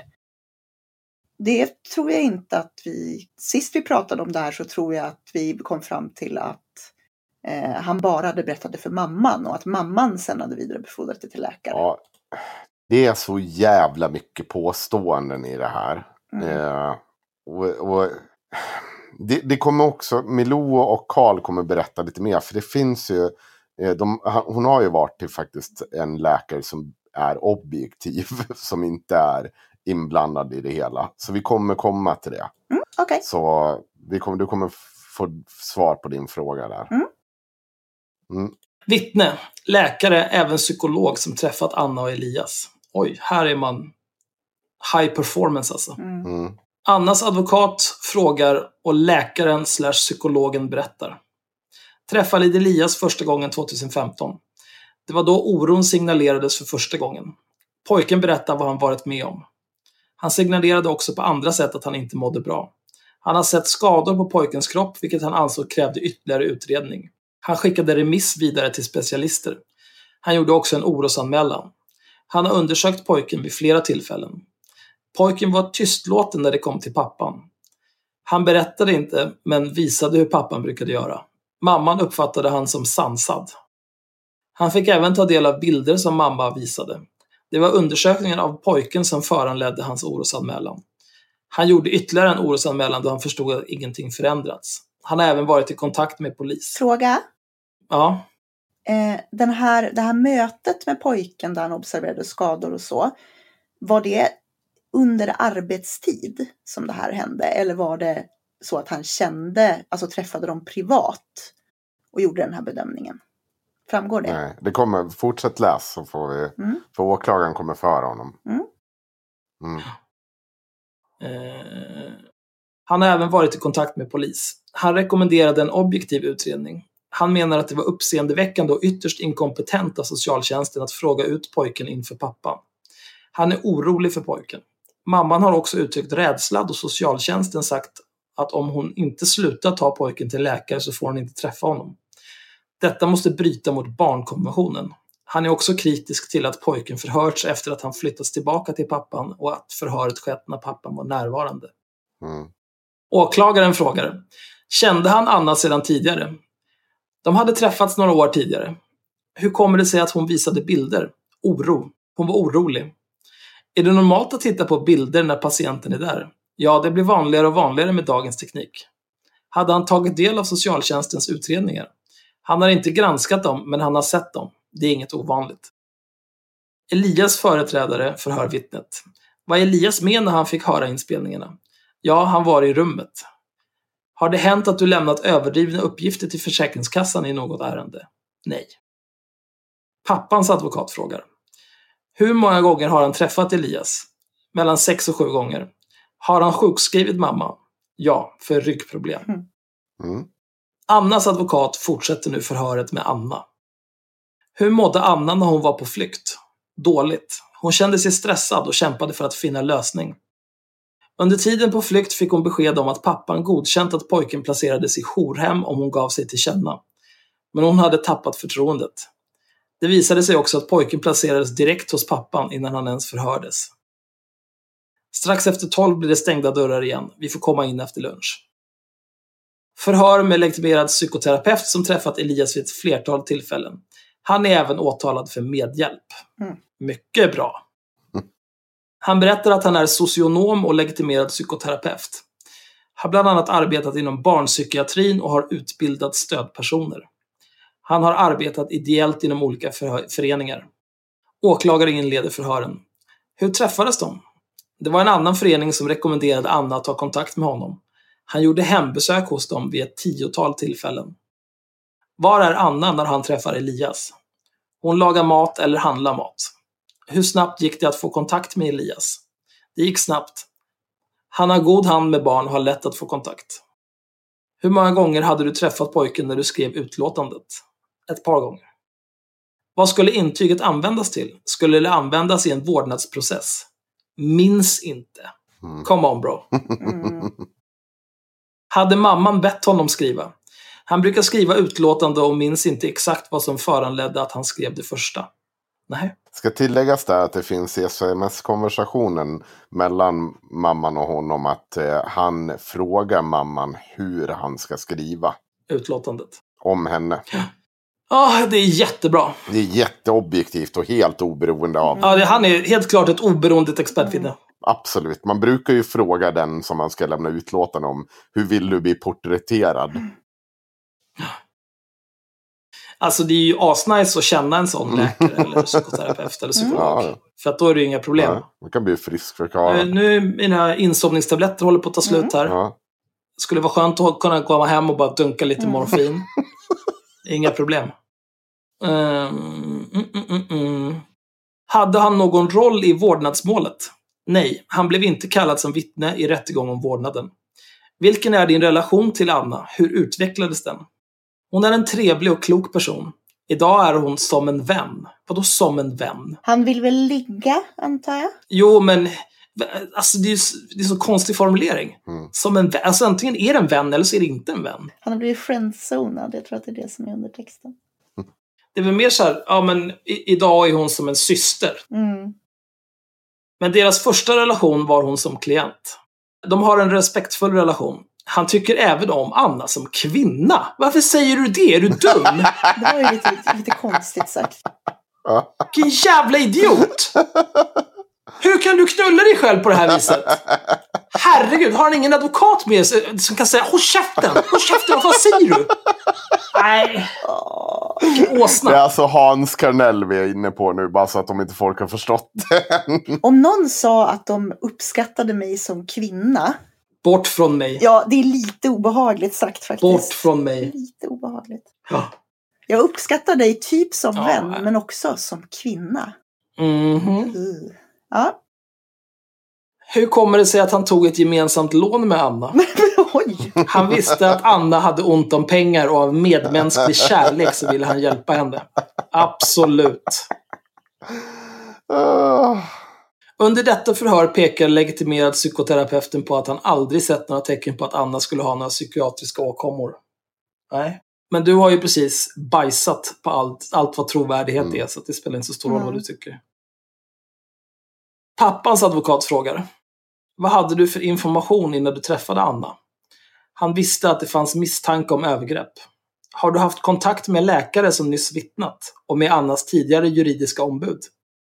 Ja, de har haft kontakt för att försöka hjälpa Elias utifrån deras olika professioner. Nytt vittne! Woho!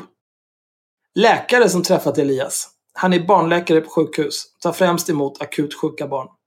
Anna hade kommit med pojken. Hon uttryckte oro över vad som sker mellan far och son. Det här är också, de här formuleringarna.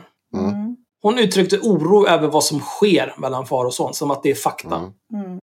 Inte, det går ju liksom, ska man skriva en sån här text och försöka... Jag förstår ju att de, de är inte superintresserade av att verka objektiva. Agneta behöver öva på att verka objektiv. Mm. Även om hon, även om hon, alla begriper att hon inte är det minsta objektiv i det här. Men skriver man mer objektivt, då, då är det lättare att man tas seriöst. Det är mitt tips till dig Agneta. Mm. Det är ett bättre tips än du skulle få av jävla Elaine Eksvärd. Hon uttrycker oro över vad som sker mellan far och son. Han gör en medicinsk undersökning. Han noterar avvikelser på pojkens privata delar. Äh. Men han kan inte säga säkert vad det beror på. Han tyckte, det var en anmärk- han tyckte att det var anmärkningsvärt vad pojken berättade. Han kommer ihåg vad Elias berättade. Utifrån detta anser han att det borde utredas. Han gjorde en orosanmälan till socialtjänsten.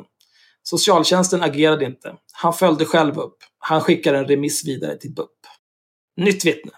Före detta polis som arbetar som vålds och sexualbrottsutredare, författare, föreläsare. Det här är hon. Mm. Vem kan ni tro att det är då? Monica Monica, vad hette hon mer? Som GV inte vill anställa. Dahlström Lannes va? Mm. Mm. Mm. Också ett jävla spektakel. Mm. Ju mer hon läste om Anna och Elias och ju mer hon hörde, desto mer förskräckt blev hon. Hon har tagit del av utredningar, kontaktat socialtjänsten. Hon pekar på att det finns nio personer som kan vittna om vad barnet har berättat och visat upp. Utifrån hennes profession anmärker hon på att det är socialtjänsten som förhört barnet, men det är polisens sak att utreda brott. Vad, utifrån här, vilken profession? Vad är hennes profession? Hon jobbar ju inte som polis. Hon har ju inte varit polis på över 20 år. ja, Hon, hon är föreläsare, författare och föreläsare. ja, det är jag också. Då kan jag också uttala mig om sånt där. Vad skönt att veta. Tack.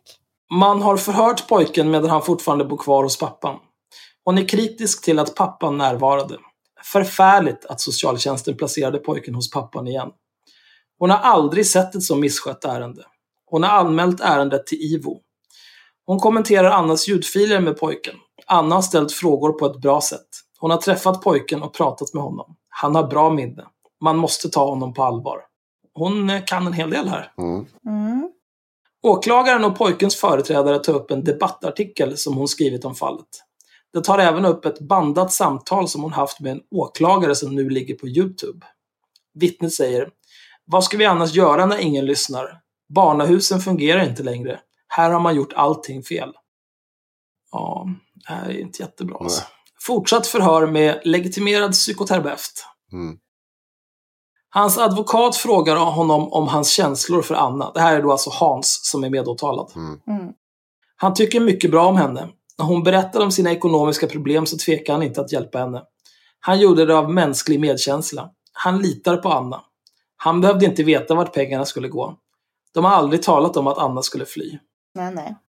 Annas advokat vill höra mer om vad han har hört och sett. Han har sett blåmärken efter slag.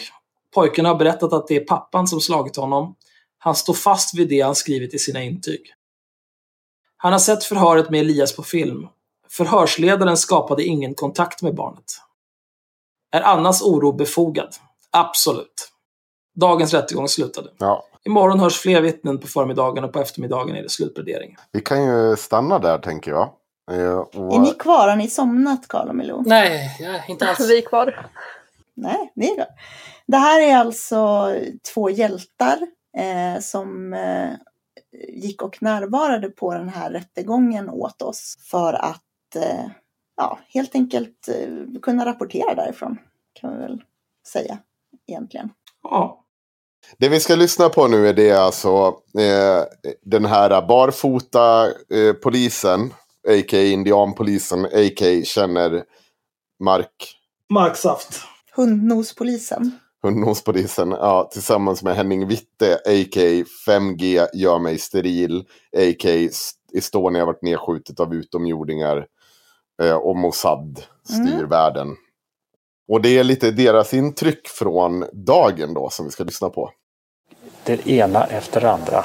Och eh, jag uppfattar ju också från åklagarsidan hur de här frågorna ställs. De är så taffliga och de är så eh, styrande. De, de är inte intresserade av att undersöka verkligen vad som har hänt utan det är mer som att sätta dit de här Ja. vittnena som kommer som- vill ska re- redogöra egentligen för omöjliga frågor. De säger så här, hur många gånger har ni träffats? Eller ehm, eh, hur många samtal har ni ringt? Ja, men vem kan komma ihåg sådana saker? Och det är inte Oviktiga intressant. Det är detaljer. oviktigt. Ja. Och de plockar upp också eh, ärenden som de själva har skrivit. De tog ju upp på, med läkaren här att han hade skrivit ett, eh, i ett ärende om en helikopterutredning om att, att man hade kommit fram till någon överdrivande eh, bedömning. Och då tog man upp det för att helt eh, kritisera, Svartmåla. svartmåla honom som inte alls har med det här att göra. Och det är väldigt, väldigt olyckligt att vi börjar få en sån tillämpning i svensk dom, domstol idag. Ja. Jag har efterlyst länge den, den kirurgiska juridiken som handlar på bedömning och att sträva till en rättvisa.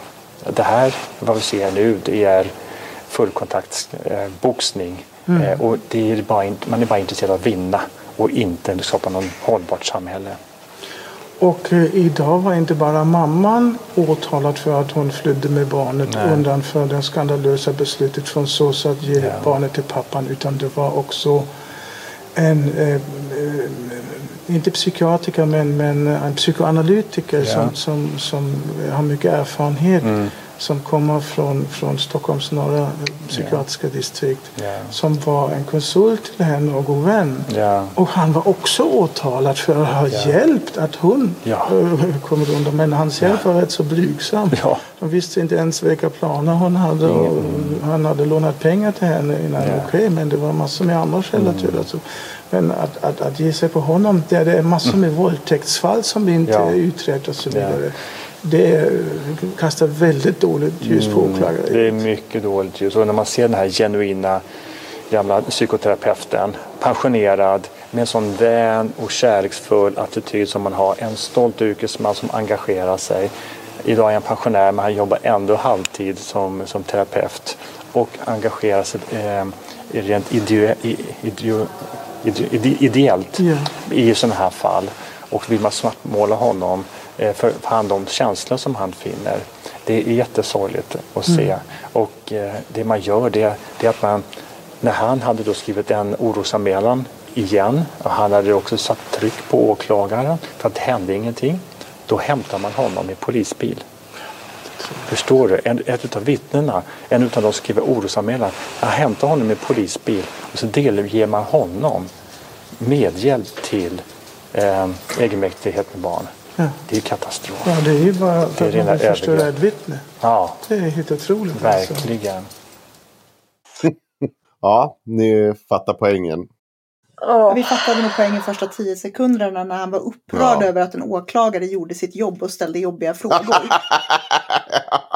tänk, tänk att det är en gammal polis som säger det här. Ett åtal föregås ju liksom av en utredning. Det är då allting utreds. Ja, och så ställer de helt omöjliga frågor. Helt omöjliga frågor som hur många gånger har ni träffats? Det går ju inte att svara på. Nej. Mm. Nej, det var en jättesvår fråga. Ja. Det är mycket som dumheter. Men det är samma sak där. Det här är ju precis som Agneta. De- här tilltalar ju folk som redan är liksom frälsta. Så är det. Välkommen Milou och eh, Karl. Tack så mycket. Tack. Ja, tack. Ni var ju på rättegången. Eh, ni har ju suttit med och lyssnat med när Axel har läst upp eh, vittnesmålet, eller Brys vittnesmål från den här dagen. Mm. Och jag kan väl börja med att ställa frågan, hur stämmer Brys vittnesmål överens med verkligheten? Och lämnar de ute vital information? I grova drag, men givetvis utelämnar hon ju en del, en del uppgifter som kan vara relevanta i det här. Mm. För att man ska kunna bilda sig en bra uppfattning om vad som har hänt menar du då eller? Ja, Framförallt det här med, med Hans Kagnell så det finns en ganska komprometterade sms-konversation med, med Anna där fram och tillbaka. som hon är, ju, ja, som är ganska viktiga som åklagaren påpekade ganska mycket. Just för att Mm. jag är sken av att han var medskyldig just det, att det finns det här. Du skickade ju till mig den här sms-konversationen och den kom ju även upp i rätten. Mm. Vilken överraskning. Ja, gud vilken överraskning. Han säger till exempel, jag tror det är fem dagar innan Anna flyr med Elias så skriver han så här. Nu var det fan om vi inte får loss Elias till exempel. Ja. Fem dagar innan, innan hon flyr. Liksom. Mm. Och sen så även två dagar efter hon har flytt så får, skriver han ett sms. Glad över det som har hänt. Ser fram emot att träffa er när det är möjligt. Mm. Två dagar efter hon har flytt. Det, ja, det ger lite, det skiner lite, får inte hans skuld för det. Liksom. Det pekade åklagaren på. Mm. Det ser inte jättebra ut om det står som med, om, om du råkar låna ut 200 lax till en person. Nej, precis. Alltså, hon, Anna kunde inte få några lån för hon är, har, ju, har ju inga tillgångar. Så han, han använde ju sin sommarstuga som säkerhet för att kunna låna med 250 000. Hon kan inte Mm. få något lån på något sätt. Ja. Så det är han som ordnar det här lånet. Och han betalar ju räntan för det här. För hon har ju ingen inkomst. Mm. De där pengarna kommer han aldrig se igen. Han, säger, han sa ju det själv bara, jag bara betalar. Citat liksom. Ja. Ja. Eh, Han sa ju rakt ut att om jag litar på modern, hon är en fin människa, hon är så snäll, intelligent och empatisk så han framstår ju som ganska korkad. Och det sa han ju inte bara en gång utan det var ju återkommande Nej. hela tiden. Han säger i förundersökningen i förhören att han har så bra ställt så det gör ingenting om man lånar ut 200 lax. Mm. Att han har typ 500 lätt som man kan få ihop. Men sen har han ju också det här, det här smset när han har sin lilla fantasi. Som Mm. då citat. Han hoppas att Anna Elias och Hans ska vara en liten familj. Skriver han. Oh. Ja. Mm. Perfekt. Jag kan berätta exakt vad det står. Jag ska berätta om en fantasi jag har. Alla problem är borta. Du, jag och Elias är en liten familj. Jag ger dig all eh, min kärlek eh, som man till kvinna. Jag ger Öh. Elias all min kärlek som far till son. En Öh. vacker fantasi. Mm. Öh. Ja, och Hans är väl, han är väl strax över 70 va? Och Anna är väl Ja, mitt Ja. 35-40. ja Något 49 eller något sånt Ja, okej, okay, lite äldre så. Ja, men det var inte så farligt ändå. Man kan säga att han, har, han är, är inte så mycket oberoende expert som Bry hävdar att han är. Nej, sen så en sak som jag tyckte var väldigt eh, eh, ja, lite skevt i det som Bry skrev, Mm. det är ju att, om man, som Mira säger, att de försöker framställa honom som någon form av eh, oberoende expert. Men han är ju typ, ja men han är legitimerad eh, psykoterapeut. Men han har ju ingen behörighet att behandla eller utreda barn för den här typen av trauman. Mm. Nej, för det hade kommit upp i rättegången också va? Japp, eh, Ja. det är liksom, jag tror att det var en åklagare som sa rakt ut att du har ingen behörighet till att göra det här. Ja. Eh, och någonting som var intressant, eh, det var ju att han hade gjort en liknande grej. Jag tror det var typ år 2016 i Blekinge. Mm. Då hade han ju liksom också utfärdat eh, intyg av att en liten flicka skulle ha blivit utsatt för övergrepp av sin pappa. Mhm. Vilket de också tog upp på rättegången. Ja, visst, men det var väl också ett ganska kul... Eh, han, de frågade väl först om han hade gjort något liknande tidigare. Det stämmer. Och då sa han nej. Yes. Och, och sen då drar de upp det här gamla fallet. Och, Ja, eh, och då sa han att han hade glömt det och de frågade hur han hade kunnat glömma det och då svarade han åldern. ja, för det här är lite, det här är lite märkligt också för, i, i förundersökningen. Det är att de, han, ena stunden hävdar han åldern och att han glömmer Mm. saker. Och ena stunden hävdar han att han har inget problem med sitt minne. Han minns allt. Och det är ju lite Precis. beroende på vad han är anklagad för väldigt mycket. Ja. Ehm, en annan grej som är lite roligt i kontexten med att han eh, har en tendens att glömma vissa saker, det var ju att modern först, både han och modern verkade vara irriterade över att advokaten, att moderns advokat avfärdade Hans som ett bra vittne. Mm. Eh, Men jag känner att ja, det fick ju liksom sin förklaring sen. Ja, Ja, och läser man Bry då, om man går tillbaka. Han berättar att han är socionom och legitimerad psykoterapeut. Har bland annat arbetat inom barnpsykiatrin. Och då får man ju intrycket att det här är någon som kan barn. mm. Ja, men han har ingen behörighet till att utreda eller liksom behandla barn som är traumatiserade. Och dessutom, han eh, skrev intyget när han hade träffat Elias efter två gånger. Mm. Eh, och eh, de frågade liksom, ja, men hur kunde du infärda ett intyg på att det här, det här hade hänt efter liksom två möten? Och då svarar han i samspel med eh, modern och sonen. Mm. Så det känns som att det mest var i samspel med mamman i så fall. Samt att han hävdade att han inte behövde mera information heller. Mm, jo men precis. Ja, han sa väl någonting, det berättade du för mig Melou, tror jag, att han hade kunde se sånt här på direkten. Åh gud, det här gjorde mig så arg. Ja. Men de, eh, Axel gick igenom det här för en stund sedan. Eh, att eh, han hade liksom bedömt modern som psykiskt stabil. Mm. Eh, och eh, Hans sa liksom i rättegången typ att ja, men exet säger att hon är väldigt borderline men hon är inte borderline, jag kan se sånt direkt. Mm. Och jag tycker att det är väldigt intressant att han hävdar att han har kompetens att se på någon direkt om den personen lider av en allvarlig personlighetsstörning eller inte. Det, det låter ju helt otroligt. Ja, det låter... Han kanske har en sån där spårnäsa som polisen har. Mm. Han kanske kan lukta sig till det. Ja, han kanske var med och, när Conny var där och lärde sig om marksaften så var han där och lärde sig om järnsaften. Så han går bara fram och luktar på någon och så kan jag känna så här, nej men du mår ju bra. Ja. Det är inga Kanske konstigheter. skanna hjärnan på henne. På tal om det så har jag till litet eh, klipp vi ska lyssna på. Ja, det är klart du har det. Det. eh, och då är det än en gång Marksaftspåran som Mm. är inne och dräller. Han har träffat på pojkens advokat Mm. och eh, har haft en pratstund med honom. Eh, var också intressant därför att jag tyckte att eh, advokaten som skulle företräda barnets intressen Ja, Eh, När jag kom i morse, jag visste inte vilka ansikten som var vem. Jag såg bara, ha där är åtalade eh, mamman och sen är det åklagarbänken. Men jag visste, jag har aldrig sett dem tidigare. Och, och när hon började fråga då, eh, mamman, då trodde jag hon var pappans advokat. Och senare också, hon, hon, hon eh, för, min, eh, för mitt intryck eh, var det inte så lämpliga frågor för barnens intresse. nej, just det. Så det är också konstigt vad, vad driva henne. Mm.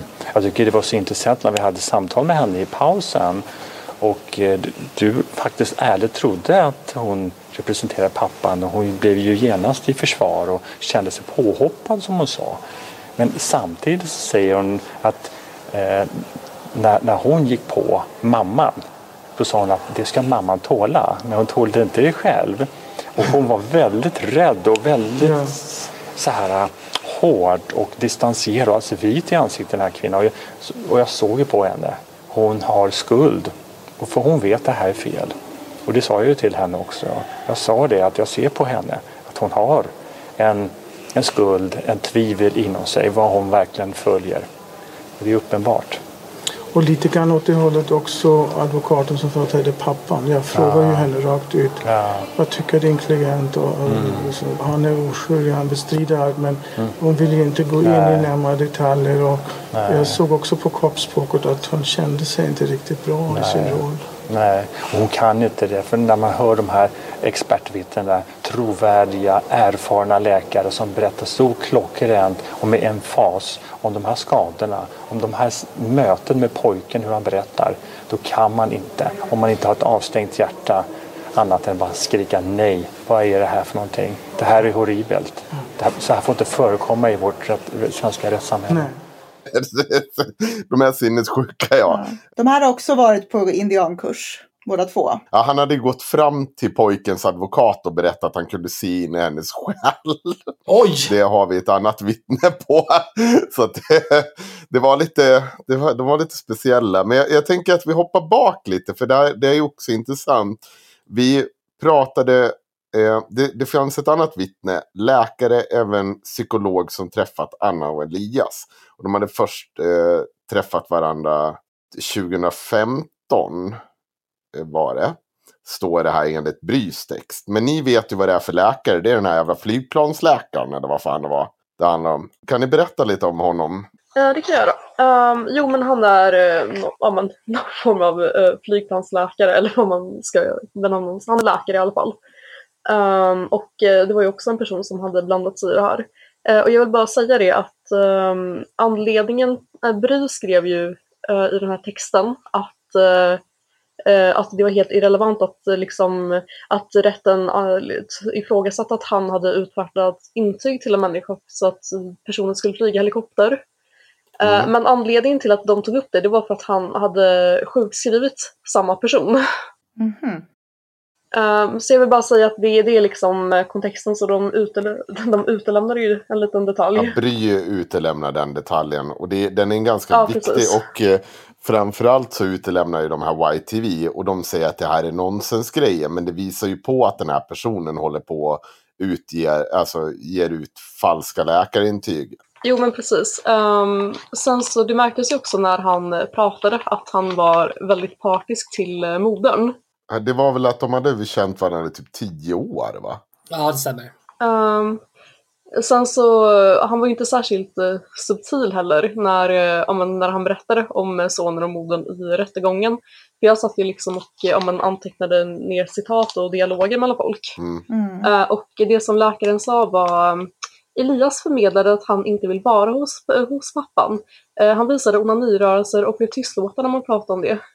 Han visade en otrolig tillgivenhet till, till mamman, som var hans stora trygghet. Mm. Eh, sen så frågade de också om eh, den här läkaren anser att ja, men, är eh, oron för barnet befogad. Varpå han svarar att ja, men den här oron är ytterst befogad.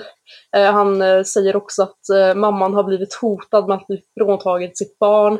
Han satt och hävdade att det bryter mot barnkonventionen och så vidare. Och så vidare. Och vad säger du då Karl? Alltså, jag har skrivit att alltså, han träffade Anna 2008 när hon mm.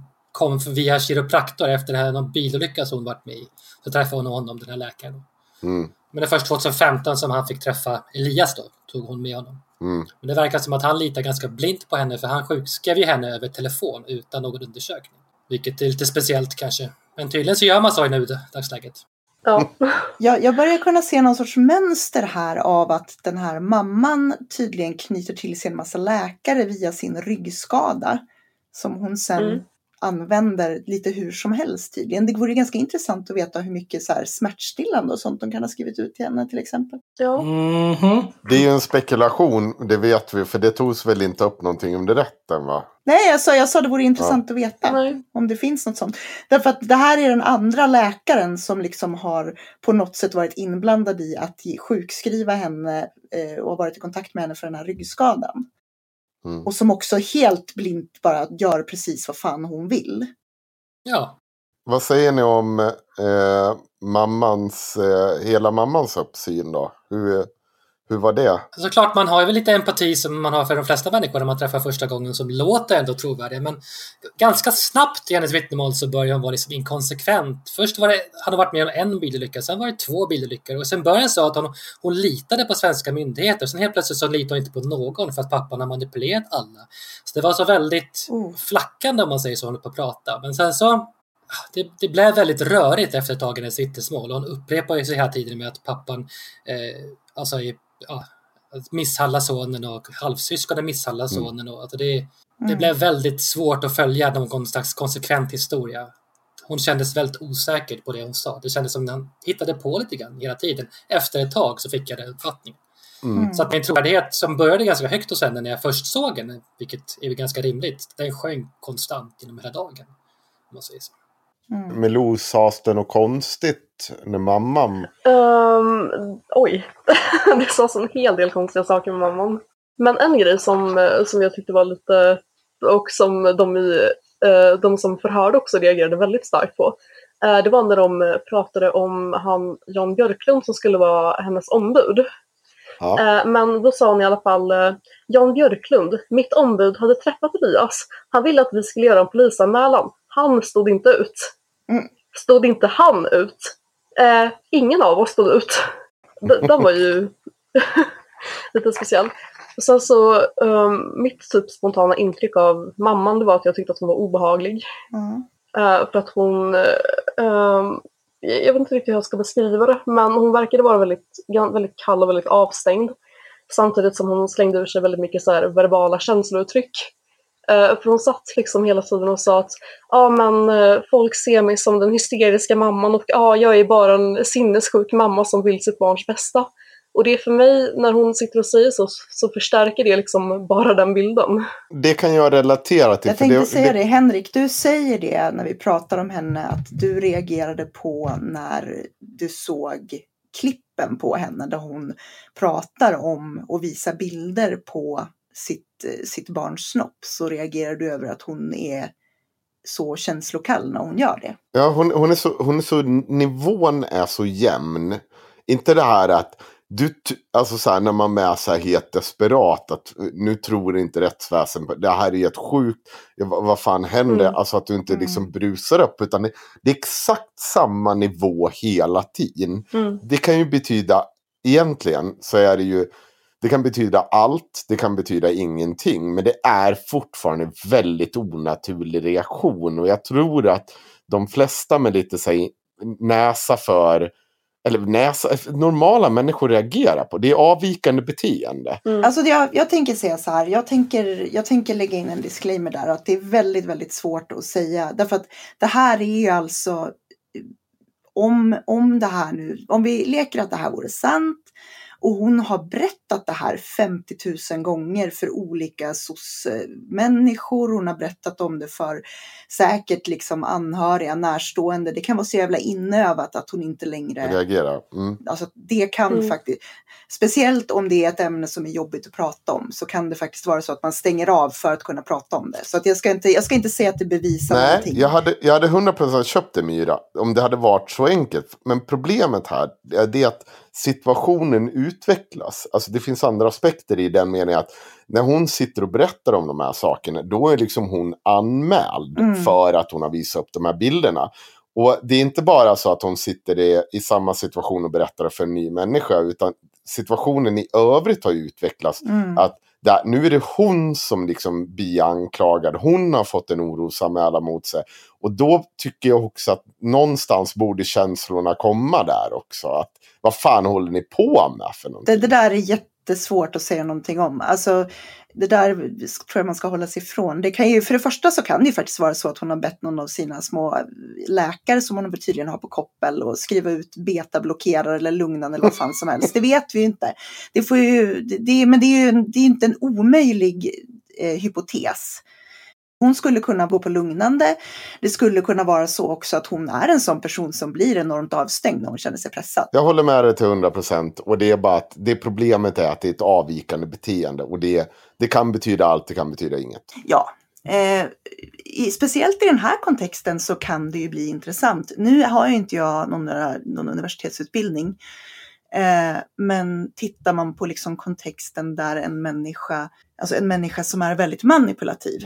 Eh, om vi skulle leka att hon är en väldigt manipulativ person så passar det ganska bra ihop med både att alla de här människorna tror så himla mycket på henne och hon är världens finaste och snällaste och hon har inga psykiska problem och också att hon är så oerhört kall i sitt bemötande i rätten. Jag vill höra mer från Milou och eh, eh, Karl. Eh, för det första, stämmer Brys överens, om vi går tillbaka till den frågan, stämmer Brys beskrivning av det hela överens med vad som faktiskt hände i rättegången? Eller lämnar de ut vitala delar? Framförallt så de här smsen är ju ganska, alltså mm. mot, mot, de har de ju utlämnat de är ju väldigt stark bevisning för att han, mm. Hans Hagnell var liksom med på det och framförallt mm. i alla fall hans tillförlitlighet ifrågasatts. Liksom. Mm. Jag kan läsa upp eh, någonting för att de har ju en väldigt normal konversation eller hon, hon är väldigt kärvänlig med Hans under hela tiden. Eh, fram tills hon får pengarna. Då. Hon får ju 200 000 som hon plockar ut på ett Nordea-kontor. Och då säger han, han skriver det här eh, 2018 09 13 jag förstår att du är helt upptagen av att eh, tänk, tankarna på Elias och hans lidande och att försöka hitta en lösning. Men jag tror att du också måste sätta av tid till varje dag till att försöka hitta ett arbete. Du måste som alla kvinnor bli ekonomiskt självständig och inte vara beroende av pengar från andra. Hasse. Och då svarar Anna. Jag förstår inte ditt tankemönster då jag aldrig bett dig hjälpa mig. Utan du har alltid erbjudit dig att göra det från första stund till denna dag. Sedan har jag ju märkt att du använder det emot mig. Endast en gång som jag kan minnas frågat dig om hjälp. Utan du har sagt att du vill hjälpa mig och att, att du inte vill äh, att jag ska känna skuld eller tacksamhetsskuld. När jag kände att du var riktigt genuint och äkta Eh, accepterar jag din hjälp. Nu vänder du min svaga situation emot mig genom att ifrågasätta mitt liv, mitt eh, val av män etc. etc. Men jag tycker det är tråkigt att du gör så mot mig. Jag har inga krav eller förväntningar på att du ska hjälpa mig. Jag är djupt tacksam för att du funnits där med din enorma kärlek och trygghet för min son. Du har varit en klippa, men jag har aldrig en endaste gång utnyttjat dig. Jag har varit rak och öppen och tydligt att jag har anförtrott mig, ja, bla bla bla. Mm. Men det kommer det bli värre. Eh, och då fortsätter han och smsar henne. Hej Anna! Jag hoppas att vi kan fortsätta vårt samarbete trots vår gårdagens konflikt. Och då kommer så här eh, senare ett svar. Hasse, jag kommer alltid att älska dig för alltid. Men vi träffades vid fel tidpunkt. Jag kan Ah. inte tänka på annat än Elias just nu. Jag vill bara att han ska bli fri, förstår du mig? Det här tar på mig. Och så fortsätter diskussionen. Och sen skriver Hasse till slut. Jag vill beskydda dig. Beskydda dig med kärlek, skriver Hasse. Uh. Och Alltså, Ah. de är ju ganska klandervärda allihop här, men jag, jag tycker... Eh, Hasse får jag intrycket mer av att han är liksom en eh, snudd på dement, eh, välbeställd gubbjävel. Medan hon känns lite mer, eh, jag vet inte, lite mer manipulativ av sig. men det är liksom mitt intryck av, av Hans. Det är att han är, är ett creep. Mm. Jag, jag tycker att han är jättecreepy, för det är liksom Mhm. Eh, I början av rättegången då frågade de också om han var med i andra frivilligorganisationer. Eh, och då var det, ja men han rabblade upp grejer som Schizofreniförbundet och liknande. Men så sa han även att ja men jag hjälper fem utsatta kvinnor för att det känns så meningsfullt för mig att engagera mig i kvinnor. Oj. Mm. Ja, nej. Och det, är liksom, det var väldigt mycket så här, en annan grej som han eh, sa när de frågade om modern. Det var liksom att ja, men hon är så empatisk och intelligent. Hon förstår mina psykologiska resonemang som det ligger 30 år av erfarenhet bakom. Oj, oj. Det var liksom, alltså han, han satt och sa sådana grejer hela tiden, så han är bara äcklig. Ah. Ja, jag tar tillbaka. Han är också vedervärdig. Det här känns ju lite som en så här, om jag skulle killgissa, det tycker jag om att göra. Mm. Jag får ju uppfattningen lite grann av, av att han är en sån där man som engagerar sig i liksom massa trasiga utsatta kvinnor därför att de blir beroende Mm. av honom. Ja, förmodligen.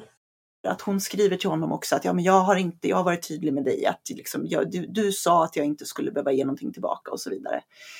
Eh, å andra sidan så verkar ju hon också typ solovåra honom så att de kanske förtjänar varandra, jag vet inte. Ja. Äh, usch vilken jävla soppa. Alltså det är så lätt att glömma. Jag, så här, jag försöker inte liksom, tänka på det så mycket men det stackars barnet som sitter mitt i den här smeten är ju såklart Mm. skithemskt. Jag kommer på det ibland när vi sitter och pratar om alla de här galningarna och så bara mår jag bara dåligt. Det, um, angående barnet så var det också en grej som jag tänkte på. Eh, och det var ju att eh, mamman var liksom upprörd under rättegången för att pappan hade gett sitt samtycke till ett jourhem. Mm. Men det är liksom rent spontant så känner jag liksom, om en jourhem brukar, ja men, av min erfarenhet och det jag läst om, va- va- vara ganska bra. Mm. Så kan inte mamman tänka sig att om man, mitt barn befinner sig i en jävla soppa eh, där båda föräldrarna säger olika saker, det är massa främmande personer som är indragna i det här, eh, saker om min pojke ligger uppe på Youtube, då kanske det kan vara ganska skönt för honom att komma till människor som inte har så mycket med det här att göra, som är oberoende, som liksom bara ser efter honom och tar hand om honom. Mm.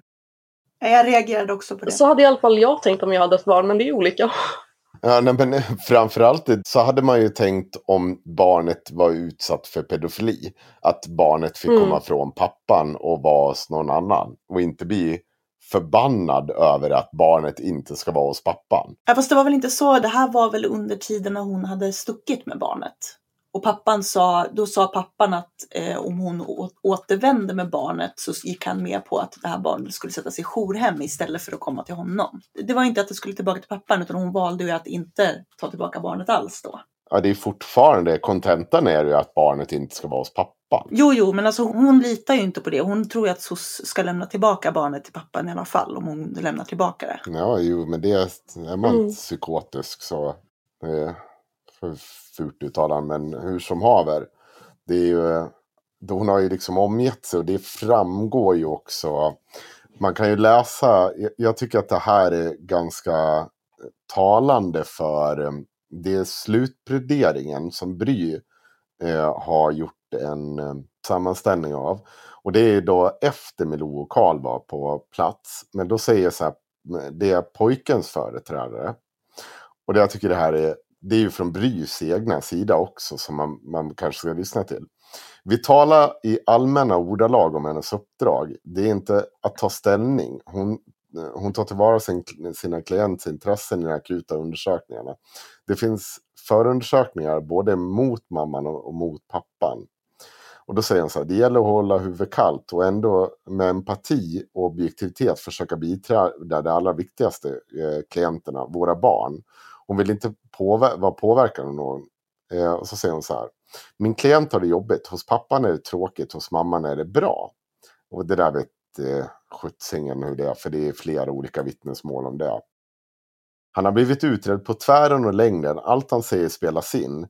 Han får ständigt träffa nya vuxna. Hon undrar hur mycket egentligen e-, egen tid han får med mamman eftersom hon ständigt dras runt till nya personer. Hans pappa har smutskastats. Han mår inte bra av alla bråk. Elias är ett barn och vi måste se honom sådär. Vi måste lita på att de myndigheter och domstolar som möter honom gör sitt jobb. För det detta polisen som vittnar, alltså hon eh, Monica Dahlsen Lennertz, var något av en PR, pionjär. Men det gick fort, så helt plötsligt var alla män pedofiler. Sedan slog pendeln över åt andra hållet. Då, vi, då fick vi kanske allt för höga krav på bevis.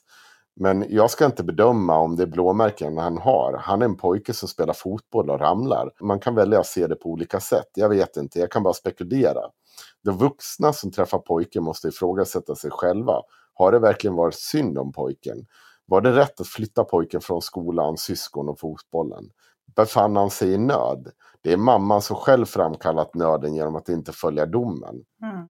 Om man inte Eh, Fördeskadeståndskrav för pojken skulle eh, inte föra pojkens talan. Han har rätt till ersättning för den tid mamman har varit på flykt. Tänk om han hade fått vara i skolan så hade det inte varit en diskussion om man skulle behöva gå om detta år eller ej. Han är berättigad skadestånd. Eh, det är självklart för henne att en legitimerad psykoterapeut är skyldig genom att ställa medel till förfogande så har han möjliggjort flykten. Även han ska betala skadestånd till pojken. Mm. Så jag, jag tycker att det där är det mest, alltså just det här med att de vuxna måste ifrågasätta sig själva. Vad har de varit med och Mm. liksom dragit in den här jävla grabben i? Vad är det som händer egentligen? Jo, men det är väl precis det som jag tycker är det tragiska i det. Eh, därför att det känns som att Alltså det här är väl ganska genomgående med, med alla sådana här tvister som sker runt ett barn. Liksom. Att man vill ju bara lyfta bort barnet ur, den där, ur hela den där situationen. Det var ju som vi sa redan från början när vi liksom tittade på det här. att så, här, ja, Det går ju liksom, det enda vi kan säga om, om pappans skuld eller, eller oskuld är ju att det har utretts och det har inte, det har inte funnits. Det enda, de enda, vad jag fattade som, rätta mig om jag har fel nu, men de enda belägg för att eh, det ska ha förekommit några övergrepp, de enda vittnesmål, de enda som ställer sig bakom det här påståendet som faktiskt har träffat pojken, det är ju mamman och snubben som eh, blir solovårad av mamman och någon läkare som har känt henne i tio år. Jag vet inte hur det är med de andra sju återstående oberoende experterna, men det sätter ju nivån för vad de tycker är en oberoende expert. Jag kan ju säga det, ni, ni, ni, det var ju en läkare där som hon hade besökt som var på barnakuten. Mm. Ja, för det är ju också en av de läkarna som gör en någon slags objektiv bedömning. Men han gör ju den utifrån det han får veta av mamman också. Han gör ju en orosanmälan. Kan ni berätta någonting om honom? Ja, alltså han undersökte ju pojken där och eh, han såg att det fanns en, en skada, men han menar att det gick inte att säga om den skadan var naturlig på grund av pojkens bara alltså, normala anatomiska utveckling eller om den var alltså, tillfogad. Liksom. Men, så det gick inte att säga Mm. om det var något sådant. Eh, men att eh, sen så, han gjorde ju en orosanmälan för att han, pojken berättade en historia som han ansåg anmärkningsvärd. Och då Mm. gjorde han ju en orosanmälan som sedan inte resulterade någonting och så följde han upp det och skickade remiss till BUP då. Men att eh, sen så hände väl inget mer. Men han gjorde liksom sin, sin plikt som läkare. va? Ja, han gör ju det man ska göra om man får det Mm. presenterat framför sig. Men vi har ju inte egentligen berört den delen överhuvudtaget. Och vi ska väl inte, men jag tycker att den som lyssnar måste ju se det som ett alternativ här också. Det som, det som inte har diskuterats är ju att hur mycket har på- mamman påverkat honom. Och det är ingen som tar upp det, för de menar ju på att hon är så extremt trovärdig i alla sina berättelser. Och det får man ju... Det intrycket Ja. fick jag ju inte under rättegången att hon var särskilt trovärdig faktiskt. Men eh, Nej. Nej. Det är en grej som jag reagerar på angående det här med trovärdighet. Eh, Det var Mm. typ att eh, hennes son, det, det finns typ en inspelning när han rabblar någon form av ramsa. Det var typ en, någon form av reklam från Unibet eller vad det nu var. Mm. Eh, de hade spelat in den alltså, den var typ fredag, lördag, söndag. Mm. Eh, och så, så, han pratar ju en del om fotboll också. Uh, varpå mamma säger i rättegången, han pratar inte om fotboll, han pratar om sexuella poseringar. Men hon pekar inte ut vad som skulle ge indikationer på att det var något annat han pratade om. Hon gav inte några belägg för utan hon bara sa det rakt av och sen, sen var det inget mer liksom. Det är jävligt vanskligt med det där. Jag kommer ju att tänka på eh, Katarina de Costa-fallet. Eh, som är ett ganska, blev ett ganska uppmärksammat svenskt rättsfall. Eh, där, där huvudvittnet mer eller mindre var, var typ en treårig flicka. Eh, där mamman hade Alltså det, jag tror att det faktiskt finns typ en Petra-dokumentär om det här man kan lyssna på. För det var, det var en väldigt uppmärksammat därför att det var ett sånt jävla haveri till, till utredning. Mamman eh, anklagade pappan till den här treåringen för att ha varit delaktig i att styckmörda en eh, sexarbetare. För att hon sa att det här barnet skulle ha berättat om det för henne. Eh, och sen så satt hon och spelade in Eh, när hon pratade med det här barnet och liksom försökte förhöra det här barnet. Och sen så gjorde hon sina egna tolkningar av vad de här olika sakerna betydde. Att liksom, ja nu säger hon hon, hon pratar om, om liksom typ tomt eh, som, eh, som har gjort så här och så här och det betyder den här pappans kompis som också var med och styckade den här sexarbetaren. Eh, och sen så Mm. ifrågasätter man och säger, men har inte, säger hon, alltså, men det betyder inte tomte liksom, för hon har en bok med en tomte som hon, alltså det är så här, det är jättekonstigt hur mamman liksom lägger fram och tolkar allting det här barnet säger in i en kontext där det ska vara att hon pratar om eh, att den här som bebis ska ha bevittnat den här styckningen. Mm. Det låter lite så här, samma sak, man liksom ska tolka in och hävda att det ett barn säger betyder någonting helt annat. Är det Katrina Costa-fall? Mm, Verkligen. ja. Ja, okej. Mm. Men eh, börjar vi inte nå vägs ände med det här? Vi ska väl eh, möjligen titta lite grann på Bry, eh, på deras finanser. Snabbt. Egentligen, jag vet inte. Jag tittade på den här. Nej, men de samlar in pengar på olika sätt och vis. Dels så kan de, man kan skänka månadsvis till dem. Och det är en del människor som har gjort. Eh, Jag tittade igenom en lista här. Eh, Jag ser till exempel att Hans Kagnell Nähä. den 25 november började donera 100 spänn i månaden Mm. till Bry. Mm. Mm. Mm. Och man kan också donera via insamlingar på Facebook. Det har gjorts en hel del sådana. Inte många som blev färdiga. Men ja, jag vet inte hur det funkar på Facebook. Jag gissar att de får pengarna oavsett om de kommer upp i Ja. beloppet eller Mm. inte. Eh, man kan också göra engångsbetalningar. Och där har de ett litet, typ som ett litet system. Skänker du den här summan så är det det här och hej och. Och där har vi eh, en klandervärd organisation. Mm. Som jag vet, du kanske ska ringa och prata med dina kollegor, Henrik. Här är några som är hjältar för Bry. Ja. Det är IF Metall, Östra Småland Söreling. Som har eh, donerat 10 000 kronor med, med meddelandet Ett litet bidrag till er fina verksamhet. Jättebra! Också mina skattepengar. Jag blir så jävla arg. Det är, inte, det är väl våra medlemspengar.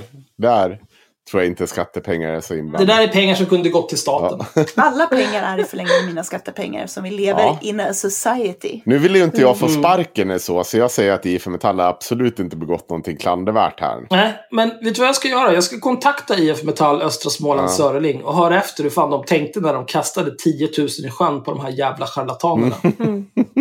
Det kan vi prata om i nästa avsnitt. De kunde säkert ha fått så här tio minuter med Linnea Claesson för de där pengarna. Ja, det där är ju en eh, tolftedels eh, föreläsning. Ja, eh, men hade vi något mer kul med deras bidrag? Nej, det, alltså, jag hittade inget roligt. Mm. Det ser okej ut. Förutom att, alltså, att folk skänker pengar till det här. Det är ju inte okej. Men Mm. i övrigt så. Får jag ta en kisspaus nu då? Och... Vi är klara. Vi ska tacka och säga hej då. Nu räcker det. Eh, tack till våra krigskorrespondenter Karl och Milou. Mm. Det var så lite så. Ni kommer få osedvanliga mängder sprit kastade på er sen. Ja. Ja. Nice. Skäms till Henrik som har tvingat oss att lyssna på en massa jävla konstiga uppspel. Trams av en tysk galning och en psykotisk jävla idiot. Eh, skäms på Elaine Eksvärd och på Agneta Bravelius och på alla inblandade i den här äckliga Ja. jävla härvan. Mm. Vad hette hon? Eva Solberg? Ja, moderaten. Du kan också dra åt helvete Eva. Mina Så jag skickar ett mejl till henne också och frågar vad fan Ja. hon håller på med. Ja. Eh, Conny, indianpolisen, tack. Jan Björklund, total galning, tack. Eh, Monica Dahlström Lannes, idiot, tack. Leif GW, tack för ditt mejl. GV är, är den enda jag utsträcker ett genuint tack till idag. Mm. Eh, nu räcker det. Jag orkar inte prata om någonting mer. Nu, nu behöver jag spela spel i en halvtimme och sen kasta mig i säng. Jag måste upp och bära samhället Och be fucking Patreons. Vi har jobbat med den här skiten Oj. i en och en halv vecka. All vaken tid har gått åt att sammanställa den här skiten. med Lo och de har varit på rättegång. Ni ska fan bli Patreons. Vi gör quality content av det här. Oj. Är det det verkligen? Ja, det är det. Det är det. Jag, jag, jag kan säga så här. Vi kommer inte göra ett avsnitt ja, som har, är så här tidskrävande förrän vi är på 5000 dollar per avsnitt. igen. Det kan jag säga. Jag har inte den här typen av tid. Alltså. Framförallt så måste vi ha med Patreon så att vi kan göra merch. För då hade vi, hade vi haft det, då hade Carl och Milou kunnat få lite gratis merch. Som tack för sin hjälp. Exklusiv. Nej, men det, det var snällt. Det kan ni tänka på. Det var jättesnällt att ni var där och hjälpte Jag, till. jag tycker det var dumt. Så hade inte jag gjort. Nej, men vissa har saker som man brinner för. Vi lyssnade på en podd, blev med i en sekt. Ja. Jag betalar för det här. Ja, det är för jävligt. Ja. Eh, Ja. jag, jag tänkte... Ja, du betalar fan för... Ni betalar båda två för det Ja, här. Kul för er. oerhört. Så hade inte jag gjort. Kan jag säga. Eh, men eh, jag, ska, jag ska skicka eh, mail till eh, Eva Solberg och höra efter vad hon tänkte. Jag ska skicka mail till IF Metall i Rövilanien. Ja. Höra efter vad de tänkte. Sen tänkte jag att jag ska ringa till Agneta också. Ska du också ringa till Agneta? Ja, men jag tänker att du har ju bränt dina broar där genom att bete dig illa. så jag tänker att jag ringer istället. Och så kan det vara liksom lite trevligt. Ja. Vi kör en eh, bad podder, good podder. Mm. Ja. Jag tar på mig servicedesk-ansiktet bara, så är det inga problem. Vi kommer vara bästa vänner på tre minuter. Du har ju så vän och snäll röst så du kan ju aldrig vara så där obehaglig som dalmasen kan. Nej. Ja. Men nu räcker det. Tack. Eh, tack för idag. Hitler.